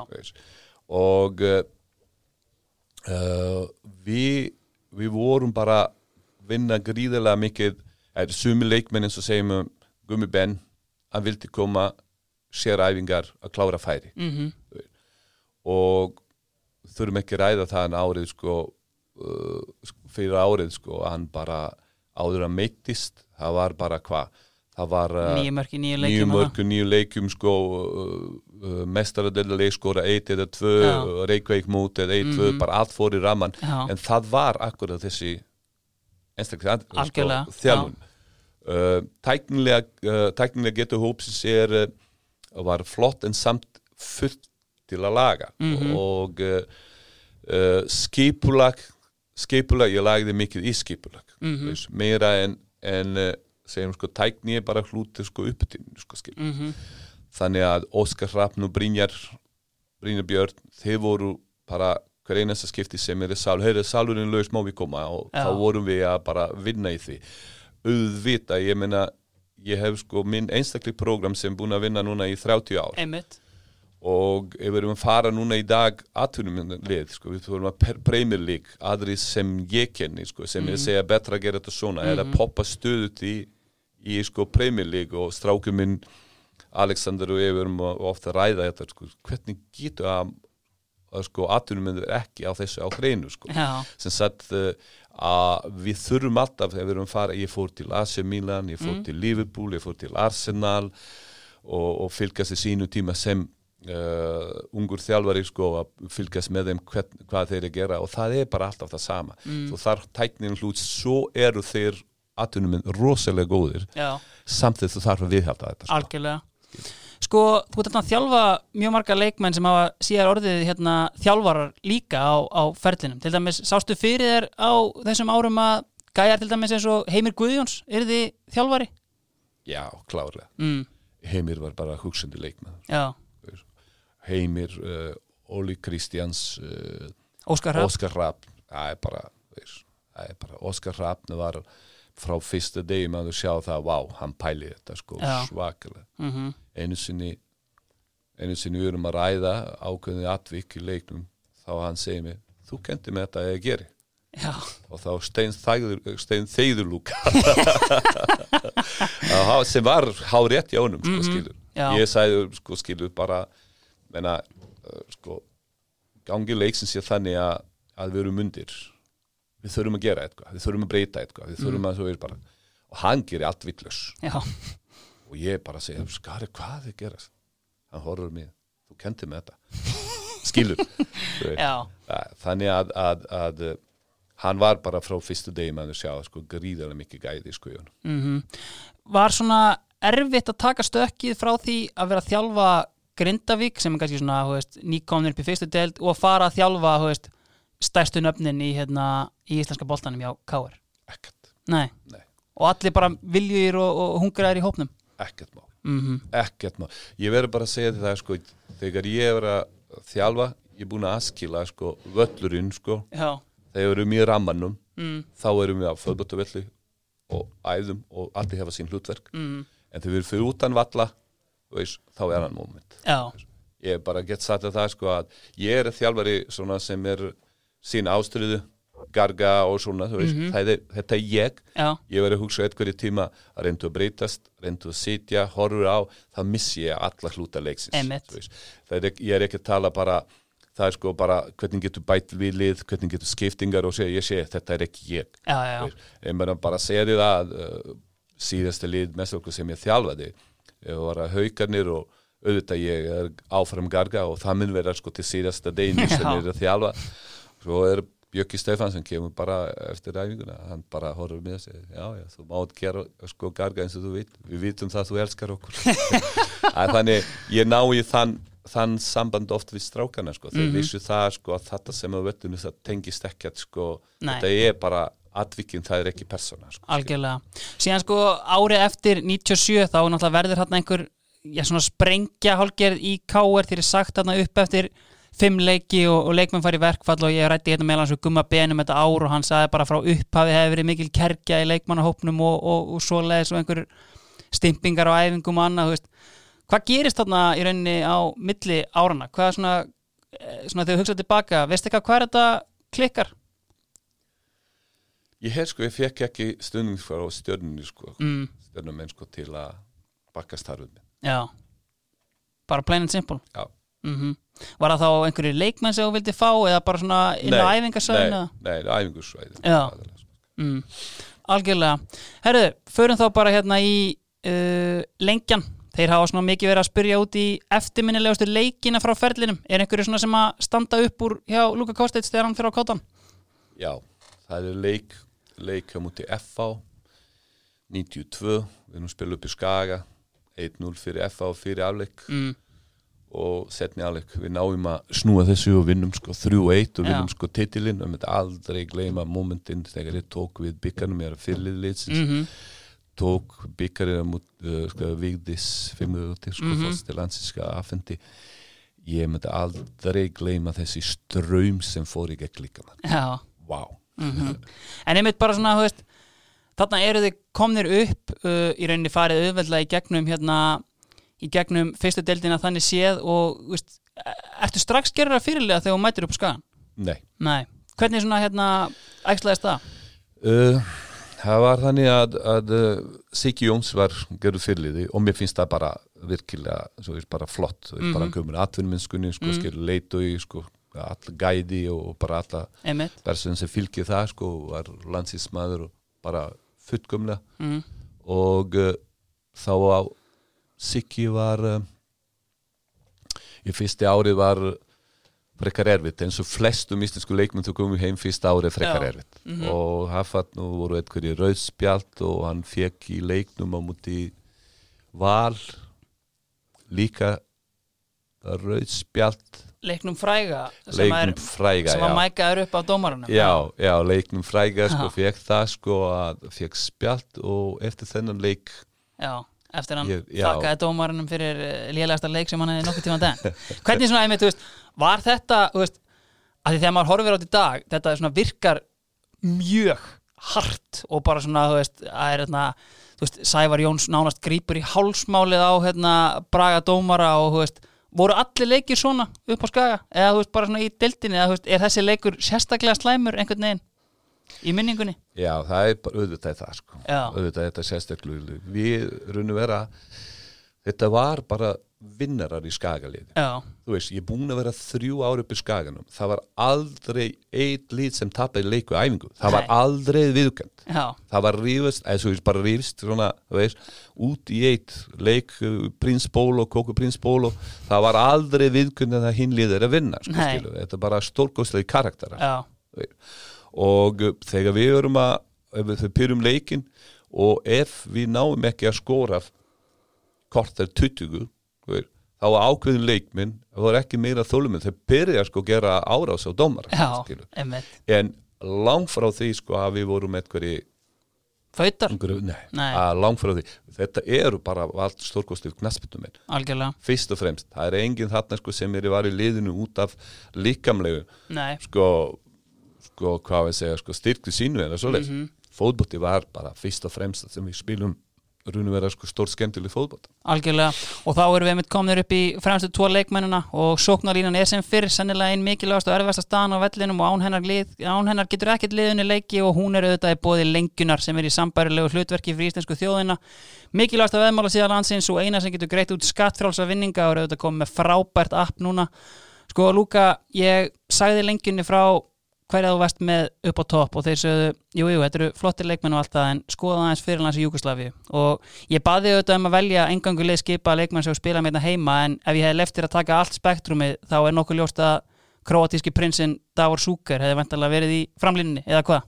Já, ánefa. Já, Þetta var unique talent. mm, Hann var, uh, hann var krakki þegar byrjaði að spila atvinnmennskunni mm og hann var heimsmeistari með jugoslenska landsliði undir 20 mhm, þarna voru leikmenn uh, Boban, Jarni Prosinecki, það er stórkostlegi sko leikmenn og já, hann var í þessi klassa og við vorum að gleyma uh, á æfingu reglulega með hann sko skilur og hann er, uh, hann er búin að vaksa gríðarlega vel og, og, og knaspita sem hann spilaði er bara sekundubróð sko þú missir hann skorar. Mhm, hann var uh, hvað var ég að segja sko hann var uh, já, unik talent hann átti, þú sér bara ferillin hans já. gera einu sinni var valinn er ekki næst bestu í balundi ár jú, jú og einmitt, hérna, þegar hann einmitt er markakongur hérna HM 98 og einmitt það er náttúrulega, þú veist, svona, veist, ég meina hérna tíundi áratugurinn er þetta mjög góðu fyrir júkoslandska kapindu, byrjar hérna 91 þegar Rauðastjarnan vinnur meistaradeildina eða,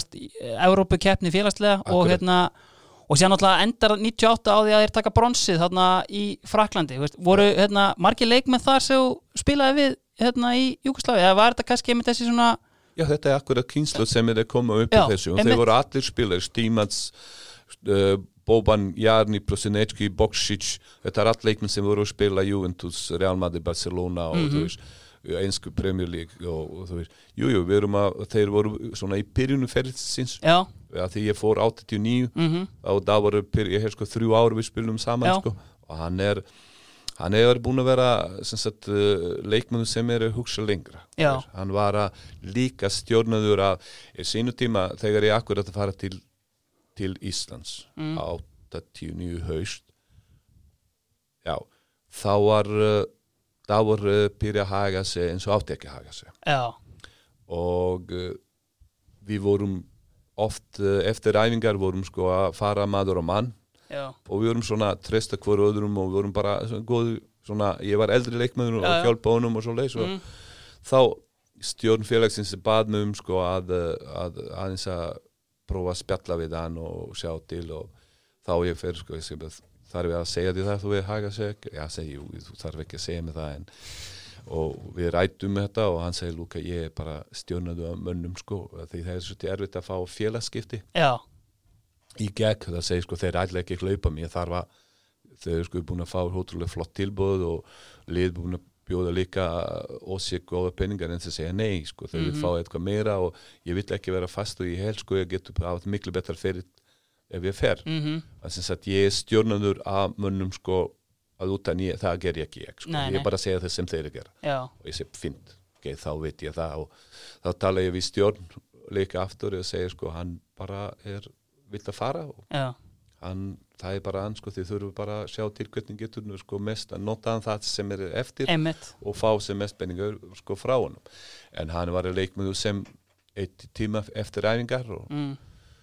og þú ná ekki þessi gæði eða svona hátt upp að áður þú gerir sko auka Algjörlega. þú var að gera það síðan náttúrulega aðri strækjar er hérna, spilar með uh, Mihailo Bíbersits uh, maður sem var kannski ekki alltaf í, í besta standinu og tók ekki alltaf mestu aukaðefgandar eða hvað, en þú veist frábær leikmaður við erum að tala, við erum ekki nefna þessi tvö sem við erum sko sem Nei, geymum þá, geymum þá, þá, Ko- komum ok. eftir, já Ok, uh, jú, Bíberts er komin svona, til, lands, uh, til landsins í fyrsta 93 Mhm. uh, vandaði að var nokkuð kíló og þungur og, Mm. og, og, svona en, en uh, hann var bara smetli pass í okkar lið. Já, ég meina, Mikael er klárlega leikmum sko stóra liða já, hann er uh, var þarna sem átti vera. Og hann var gríðarlega afgriðslega hægri vinstri Mm. skalla heldur bóttanum mjög mjög vel uppi getur farið í sko, flotta samspil og svo leis Mhm. hann vissi það sko, hann var að alla orkuna sína sko, spara til að vinna í kringum bóksin já. Og liðin svo var skagan þessu tíma þú veist, verið fullkomlega passað fyrir hann. Mhm. og svo fór líka í Káir já. sem er líka lið sem er aftur líka passað Mm fyrir sko, sko akkurat típu eins og er hann. Algjörlega. Hann komið virkilega flott sko til okkar. Síðan kannski ég myndi í Þór spilar hann alltaf með hérna Bjarnar Sveinbjörns. Með það ekki? já, þetta er þetta er svona uh, þekktasti maður í fjöskrutinni Birki Bjarnar Einmitt, pappas Birgis. Bjarni var að, uh, allir að tala þegar ég kom til Þór og segja sko ótrúlega flottur leikmaður Já. en hann var uh, meittist í hni rétt og hann spilaði ekki fyrsti árið þegar uh, ég var þarna og Nei. setni árið ég nája til hans og, og gaf honum sko meira tíma og sjálfur að stjórna álæginu Já, Bjarni var með að sjá það ótrúlega flottur sko. Já. bara virkilega flottur strækir hann spilaði svona beint hægri vísti samspil og bara mjúkur á bótan hugmyndaríkur og Bjarni var alveg skulum sem svo veist bara það vest af þessu sem ég sjá ekki best hjá Þóra því þetta fyrsta ári eftir Já. hvort það voru 2-3 ár sem hann spilaði ekki mm fótboltan þú veist. En þetta var gríðilega gaman að hafa hann þar sko skil algjörlega. Herru, förum þá bara í hérna mænina sem þú valdir og þú mátt bara ráða á hvornum þú byrjar. Já, það er uh, Arnar Gunnlaugs. Algjörlega. Já, maður eins og segir sko eitt, af þeim bestum sem ég spilað með. Mm og hann er einmitt sko þú kemur hérna í fyrstu deildina til Skagast þá er Arnar átján ára eitthvað svoleiðis og algjörlega raðar inn mörgum hérna í fyrstu deildin og, og svo aftur árið eftir veist, eins og þú ert búin að koma inn á náttúrulega bara veist, endalausir hæfileikar eða hvað? Já, Já, akkur, eins og segir sko æfuleika sko, sem sígildi sko, hvort þetta í dag eða í hundra árum fyrir sko, skilur, þetta er eitthvað sem hann átti knaspinu sko, hann Mhm. er bara fætur knaspinu maður, sko, og ég er sko ofta búin að spurja mér sko, skilur og hérna 92 þegar uh, ég var valinn leikmöndur álsins Mhm. hvort var frekar reskuld að hann að vera já, einmitt finnst hann var krakki, hann raðaði hvort eftir eitthvað í 15 mörk, 15 held ég. mörgum sko, skilur Mhm. menn að þú veist bara hann, hann gerir þetta sko leiki sem við vorum bara svona basla, það kemur hann bara að gera þetta svona stórkostlega hluti og ég, þú veist ég, ef myndi eitthvað tíma sko, svona, ef er eitthvað mælistíki sko, skilur til að mæla sko hver var að betri þá ég er ekki við sem myndi vinna þetta Nei, hann, nákvæmlega er, hann var, mér finnst bara stórkostlega bæ, báði árið sko skilur þetta Mhm. var þetta var svo auðvilt að spila ég meina sko fyrir mig sem hafsend eh, við höfum bara náðum sko augna samband. Þá sendi ég bóttan satna sem ég hlaupur línu hans, hann er bara þar Já. bara klárast færi, búa til færi og þetta var sko bara eins og segir sko leikskilning, tæknilega geta líkamlega, bara alla pakki sko ekki verið til staða nema stundum ég þurfti að gar, garga yfir völlin sko að spila vörn ég vonaði að þetta strákur vikings myndi ekki gera það. Nákvæmlega, en ef þú minnist á það veist, var það gæði þú sást fyrir þér að veist, hann er alltaf mjög ungur þegar þú spila með honum en þú veist, eitthvað svona, komur óvart að hann myndi síðan hella sér út í þjálfun og, og vera síðan með allar þessar pælingar sem hann er með í dag og svo leiðis ég verið alltaf að hugsa sko frekar myndi Bjarki vera þjálfari Já. í Arnar. Mm og ég held sko að Arnar uh, eða Arnar er búin að segja að það sko hann fekk bara vírusin bara rétt. Algjörlega, já, og hann, eftir. bara hann alltaf var spilandi þjálfur upp á Skaga þarna 2008 eitthvað svo leiðis og veist, við kendi það bara sjálfur að hann veist, hefði ekkit átt erindi í þetta því að hann var mest bara að pæla í sjálfum sér náttúrulega ennþá sem leikmaður sko, þannig að þú veist, þetta er einmitt svona þannig, Já, þú veist uh, maður með svona hæfleika sem afnæst sem knaspinu maður það er ekki það er ekkert óeðlega til að hann myndi vera þjálfari en sko hann getur kenna ótrúlega mikið til leikmennum sínum sko. En ef þú er ekki áhuga til staða sem ég var alltaf þegar maður tala þá sjá ég frekar bjarga já, þegar við erum að tala og svona því ég spjalla við oft við þá. Og mér finnst alltaf bjargi verið þessi sem verður líklega sem já, einmitt. En þú veist þetta eru leiðir sem maður aldrei getur sko að geta ekki gískaldur í Nei, sko. nákvæmlega Ef við ræðum kannski aðeins áfram hérna þjálfaraferlin hjá þér og, og það er náttúrulega 2003 þá fyrir að vinna fyrir KSI, er það ekki rétt hjá mér? Já. 2003 cirka Já. og mér þá byrjar það þarna með undir 17 ára landslið og það eru þá strákar fættir 87 87. og yngri með hættu með menn eins og Ara Skúla, Theodor Elmar uh, og menn sem er kannski síðan yngri, veist, Rúri Gíslaðinu árinu yngri og síðan alltaf eins og við vorum að tala um Bjarnar Sveinbjörns með Birki Bjarnar þarna sem er veist, þá leikmaður sem er náttúrulega bara spilandi í Nóri var það, þú veist, er það þú kannski sem kemur með Birki svona inn í íslenska umhverfið, það var KSI alltaf meðvitað um hann?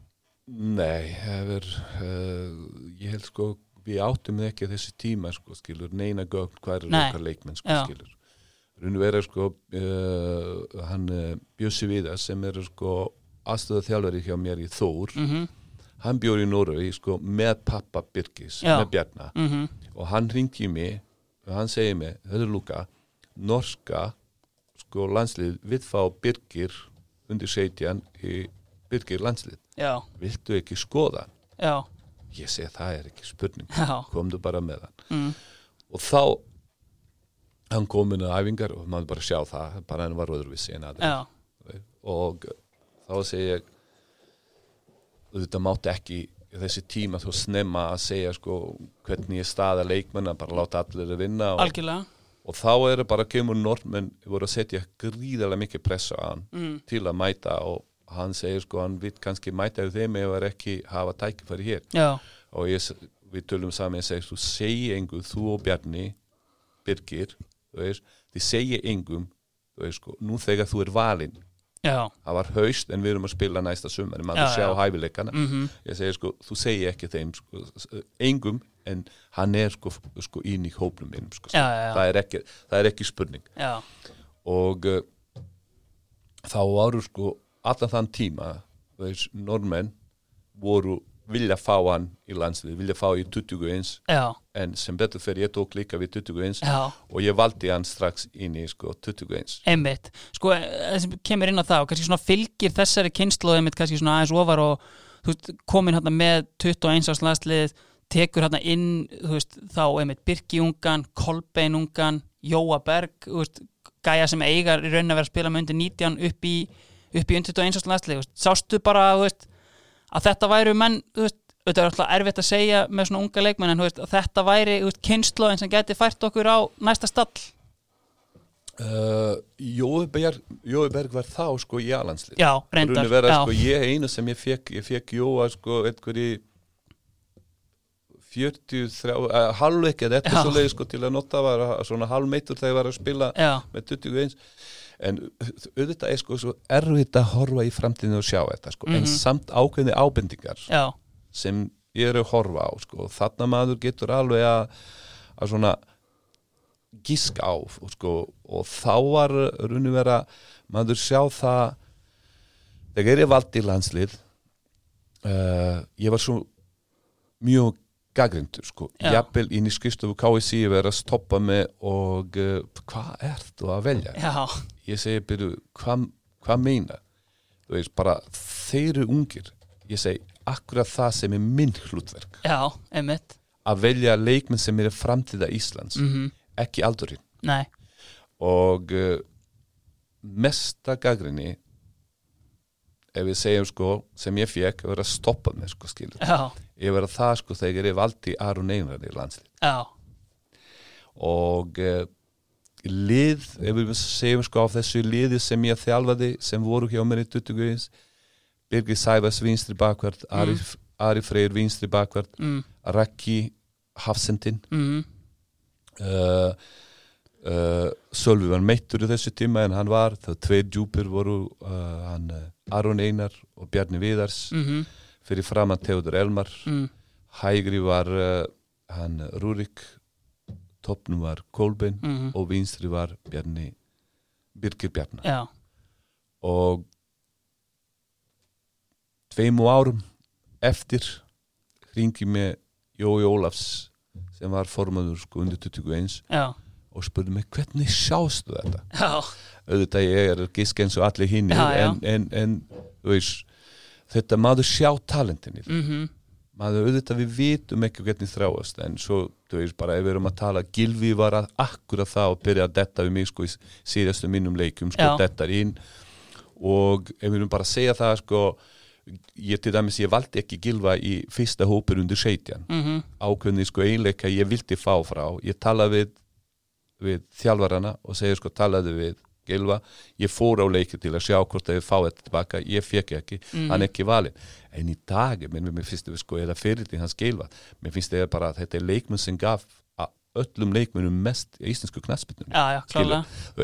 Þannig að hann var líka inn í þessu. Hann koma, ég, ég var alltaf með um, Freyr Sverris sem var Já. aðstöðarþjálfarinn minn. Hann var líka þjálfur sko, aðstöðar undir 19 Mhm. og alltaf spyrja hvernig var Gilvi og svo bara við tækjum fyrir þegar hann, að valdi hann inn þú veist, en þú hvernig þróast leikmenn sko Mhm. skilur, hvernig þú veist, þetta er svo erfitt erfitt að uh, við getum giska eins og segja sko og, og erfitt að segja, ok, þessi er 100% samt sem áður, við myndum geta alltaf að segja sko að Kolbin já, frá bara degin, deginum sko ekki eitt deginum tvö að þið þurfti að laga ímislegt Já, og, og, og það myndi vera þessi stað. Já, en ég meina ég var að fór í þessi rástefnu UFA rástefnu sem er að ræða þetta sko um uh, þróun unga leikmanna. Mm -hmm. þegar við erum að tala í rástefnunni sem voru að munum er sko verið að tala að 60% af leikmennum sem eru sko spila undir 21 landslið er að hætta.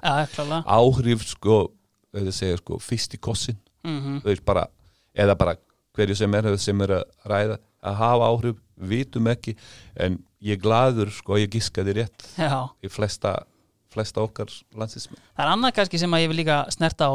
Þú ert í rauninni uh, fyrsti þjálfarinn til að koma sem sagt, landsliði held í alveg potið á lokamót sem er U17 hérna í Belgíu 2007 og það er þetta með 90 og 91 módelin. Þið tryggið ykkur hérna inn í ótrúlegum lokaleik með því að vinna rússa 6-5 eru 6-0 yfir í hálfleik. Það eru náttúrulega skærstu stjórnundar í dag náttúrulega Kolbett Sigþórs og Guðlegu Viktor. Uh, en þarna eru kannski líka veist, á þeim tíma eru kannski mestar vonir bundnar við Viktor Unnar og Björn Jónsson. Er það ekki kannski, þú veist, Hólmar Eils var líka í þessu? Er þetta, þetta er svona svolítið tindur árgangur en maður skoða byrjunilegarnir fyrirliðinu þetta Ragnar Þór Gunnarsson og, og Raketan Aron Palomares á kantinum, þetta er svona leikmenn sem hafa ekki síðan Þórarinn meiri svona Ingi. Þórarinn Ingi. Nákvæmlega, þetta er endarast þó er hann engin náttúrulega flottan fyrir á Íslandi og, og svoleiðis, en þú veist til dæmis maður eins og Björn Jónsson sem var náttúrulega bara talin bara eitt mesta efni sem við höfum séð. Var það, er ekki svona í runni leiðilegt að sjá að það hef ekki pannast meira út á þeim ferli sjálfsagt, þetta var að dásamett að horfa strákinn spila. Já, hann var svona típa Glenn Hall típa. Já, bótti limtist við. Það skiptir yngum máli hægri eða vinstri. Mm, uh, hugmyndafræði í honum snerting þú veist bara bara var bara dásamlegt að hafa hann í þessi landsliðu eins og segir sko við erum í þessum UFR ástöfnum er ofta að pæla hvað hafa áhrif sko skilur og ég held sko í síðastu rannstöfnum er sko mest að tala að að, uh, að uh, mentun já.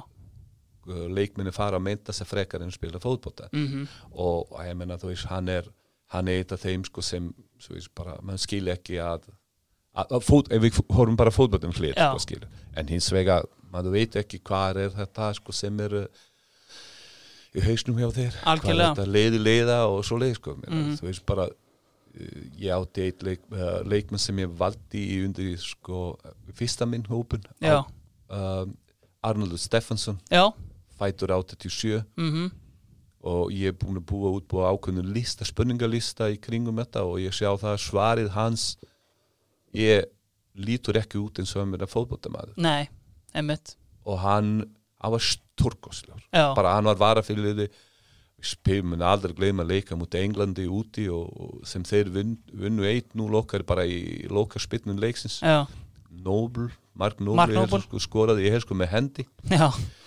og uh, ég sagði hvernig uh, englendingar spila, hvað að gera. Hann var bara þarna og þetta var bara, við hlóum á bekknum sko, hann var svo mikið yfirbörðu hans sko, bara statsetningar bara, hann er svo mikið karakter og svo, svo bara, þegar kláraðs mót þá segi segi hann mér sko í bara eitthvað tíma í janúar og hann segi, Lúka, ég var að ég er að hætta mér langar að hætta fótbolta, mér finnst það miklu me- meira gaman að fara að læra og en strákunni bara kalla mig Uli og vinni minni og þú veist, og ég segði honum sko, hörðu, bara ekki hlusta á það mm, eftir einu viku, þeir myndi koma til þín sko og faðma þig og og, og, og, og stýða því því sem þú gerir sko, mm ég persónulega verður mjög stoltur ef ég myndi hýta þér eftir ákveðin tíma og þú er alltaf einu fræðingur og svo. Já, ég fór á rástefnu eitthvað rástefnu til Barcelona og leiðin í heim. Tíu árum setna lendi ég á á hýtru velli og hitti Arnaldur tíu árum setna já, og við segjum, nei, nei, hvað segir þú hann segir, ég er að fara núna til uh, Göteborgar með kærastu, nú, hvað varstu að gera hér? Hann, við vorum nefnilega kláraði sko mastersnámun og fara í doktorsnámi í mhm, Göteborgar. Já, ég var ekki smástótt já, nákvæmlega. Herðu, uh, ef við klárum þá bara hver lokar síðan liðinu, hver er síðasti maðurinn á blað? síðast eða fyrstur, Já, einmitt. Það var Þorður Guðjónsson. Já, einmitt. Hann, Já, hann er frá veist, hann var hann, ég hef sko sam, jafn, gammal og Bjarki og Arnar. Já, ef ekki einu ári eldri, ég má það ekki nákvæmlega en, Eh, já, nákvæm- já, já, já. en þú veist, það þetta strákur sko frá fyrstu degi sko, hann sýndi ábyrð eins og ég er bara þrítugur sko, að spila með honum er bara einstak fóréttindi Mhm. ég þurfti ekki uh, sem uh, hafsendin þú veist bara alltaf að stýra líðinu og segja hægri vinstari eða ég þurfti ekki mikið að segja honum. Mhm, alltaf að leggja sig 100% fram. Sókna gæði, hann var svo beint hraður, sko, tæknilega flottur og, og fyrir því hann segja allt það sem það þarf að segja sko, hann var sko ótrúlega sko leikmöður í bara klára færi og ok, hann var í skugganum með tvíbara voru Mm. nokkuð í fyrstu tveim árum, ég held sko tví, Já. já. þegar við svo spilum, tvíbara voru svo til standa upp bara Einmitt. sko, en þörður var að skila sínu en ekki, mér finnst alltaf að sko svolítið meira byrjun já, já, svo árið 93 ég hef sko það Þorður sprakk Mhm. og, og bara þetta er bara einstaklega leikmöður, hlaupa geta mikið hraði mikið sko sem er sko eðlilegt sko líka mm. fylgir því tæknilega getur gert þetta sko skilur, hann var uh, uh, gríðarlega mikið svona uh, tæming í teginum sko skilur þegar er hlaupt eða svæði sko skilur sem er gríðarlega erfitt að, þegar hann kemur fullum hraða að, verja stónum mhm, skilaði öllu fyrir lið og, og svo bara fyrir utan valla, uh, fyrir utan valla einstak og stórkostlega persóna sko. það sem maður hefur einmitt heyrt sko er bara, veist, professionalismi í gegn, bara, veist, maður sem mætir með hérna, sitt eigið matarbóks í landslýsferðir bara því hann er bara á sínu dæeti og annað bara, veist, þessi bara proffi var bara frá upphafi hjá honum. Ég var ekkert að þjála hann í landslýðum ég get alveg trúið því að hann gerir það. Hann var bara sko, eins og segir, sko, frá day one sko, maður sé, sko, bara, maður sjá þann, þann hvað ég segir, sko, helga sér til að ná í sko árum algjörlega, sko þetta er auðvitað eini maðurinn sem hefur skorað í Premier League, La Liga og Bundesligunni já, eini Ok. Íslendingurinn auðvitað. Og uh, í bóði White Fox og Skruf þá er engin önnur, uh, engin annar leikmaður sem kemur til greina heldur en Þórður Guðjónsson sem er refur draumarliðsins hjá uh, Luka Kostic. Herru, þá er liðið komið svo ég færi elsnátt yfir það. Það er Kristján Fimbo í markinu, fjöguramannavörd Guðjón Ásmundsson, Ólafur Adolfs, Mílan Stefán Jankovic og Sigursteinn Gíslason Tígul miðja Bjarki Gunnlaugs, uh, Siggi Jóns, Óli Þórðar og Kúter Haraldur Ingólfsson og upp á topp uh, refurinn í bóði White Fox og Skruf Þórður Guðjónsson og Arnar Bergmann Gunnlaugsson. Nú er liðist uppstiltingin komin og hún er eins og vannilega í bóði Gleisir Gín. Það er eitt með Gleisir Gín að það blandast ótrúlega vel með öllu og það er að blanda öllu út í það og það mun alltaf koma vel út. Lúka, ef ég mætti velja er leifa þær að velja kannski einn mann aukalega sem að getur blandast svona vel og, og er svona tólti maðurinn í liðinu til að halda upp í stuði og stemmingu. Hver myndi það vera? það er ánefa Teóður Hervards Já. fræðingur Envið, the bad boy of weather. Já, Já, hann var alltaf að hafa eitthvað að segja sko innan hópsins og, og hann var ofta á múti strömmnum og, og, skoðinni hans voru ofta að vera sko umdelta sko og, þeim er greinilega hann vildi að hafa þetta þannig sko skilur Teddy var líka virkilega flottur sko leikmaður. Mhm. En uh, hvort það nám tók meira en fótbolti sko, Já, veðrið, það, það, veðrið. það þarf einhver að segja okkur hvernig veðrið er. Hvernig veðrið er sko. Já, Gleisir Gín leikmaðin hjá Luka Kostic er eh, Theodor Hervarsson að sjálfsögðu. Herra, árum við svona farin að síga á setni endandi hjá okkur? Er kannski svona einhver leikmaður sem dettur í hug sem var svona erfiðasti anstæðingur sem spilaður á móti? Erfiðasti strækir til að dekka? Uh, ég myndi segja það sko á Íslandi það er Pétur Pétursson Já, þú veist náttúrulega hann kemur veist, þarna er hann nefnilega ekkert hann er tæplega þrítugur heldur þegar hann kemur tilbaka og er kannski svona aðeins komin yfir sitt léttasta einhvern veginn, hann er auðvitað búin að vera þarna út í svona, kannski einn af fyrstu svona háatvinnumönnunum sem við eigum og veist, það skein bara í gegn þegar maður spila á mótunum eða hvað Já, ég, ég, þegar ég sjá fyrsta leik mm, uh, Íslandsmótsins þegar voru K.R. spila á múti K.R. og ég spurði hver er þessi maður Já, það er bara uglistlega sko, hann var örfið en allir hinnir einmitt algjörlega og síðan kannski bara svona besti þjálfari sem þú hafðir uh, er það kannski auðsvarað Guðjón Þórðarsson eða hvað? uh, Guðinu er sko uh, vinnarinn Já. það er, ekki, það er ekki spurning sko, Já. skilur en ég meina ég átti frábæra þjálfara sko í Júgoslavi Mhm. sko. ég var heppinn að hafa Milan Djuricic ég myndi segja það að hann hann sem átti mesta áhrif á mér sko, skilur, en við átti líka þjálfara sem vann Champions League Mm, Ljúbumir Petrovic mhm, sem átti líka áhrif en þú veist þetta er svolítið erfitt þessi þrý sko að segja sko því að það var að og öðruvísi nálgun sko, Já, skilu, Guðjón er uh, sko þessi vinnarinn. Já, uh, Milan Djuricic er þessi kennari. Já, sem alla grunur sko runni vera allir leikmenn að tala um hann eftir sko hvernig ekki bara er þessi æfingarnir lifið, hann kendi okkur í G-fótbolta lifið mhm, og þessi atfyrir sem við notaðu verið stórkostlegi og í dag í nútímanum sko, er bara, ég myndi segja það að hafa plás inn, sko skilur. Mhm, Ljúbumir Petrovic af hverju þau eru blanda á milli þessi Mm. tvekja, hann var vinnarinn og, kennarinn. og kennarinn. Mm, þannig að þú veist bara þessi, þessi þrý sem stendur uppur sko. algjörlega, snertum kannski bara aðeins á Gauja, hann er náttúrulega kannski einn af svona stærstu faktorum á ferðarna upp á Skaga, veist, og oft talað um hann auðvitað sem svona, þú veist, þjálfara af gamla skólanum og, og harður, en þú veist, ég meina, þú ert náttúrulega þarna orðin rúmlega þrítur og kemur til þess, var hann með svona öðri sem meðhöndlun á þér heldur en ungu leikmönnum í liðinu? við vorum runni vera fjörskildu vinnir Já, við vorum ofta að porða saman veist, en á völlinu ég var atvinnumæður já, og hann var líka atvinnumæður mhm, veist. og uh, var lítið ástæða sko, nema að vera sammála því við erum að vinna já, já, Já, og ef, ég, ef hann þarf að sko, láta mig heyra, þá gerir hann sko. hann var bara alls ekki, hann var búin að vera bara virkilega flottur sko, og öll þessi ár sem það þjálfaði mér sko, skilur, Mhm. bara hann var bara fyrir mig og alla hína sko, skilur. Hann var að komið þennan sko, sígur hefð já, í alla okkur sko. mhm, Þú veist, þetta er bara magnað að- að að hafa þessi power mhm, getur sko og trúa í það sko til að gera það og ég meina það er, þetta er ekki bara skæin sko, hann þjálfaði káa sem Mhm. þú veist bara vann titilinn sko skilur, Mhm. það er pjúra vinnurinn og það er bara eitthvað sem er sko breytið lífið sko margara, við erum ekki að tala við erum ekki að tala sko bara á fótballtavellinu mhm, að vera mestari, fara í gegn þetta þá er bara, þú veist þetta er uh, svona ólýsaleg tilfinning. Mhm, þú er sko bara, ok, ég er partur af þessu.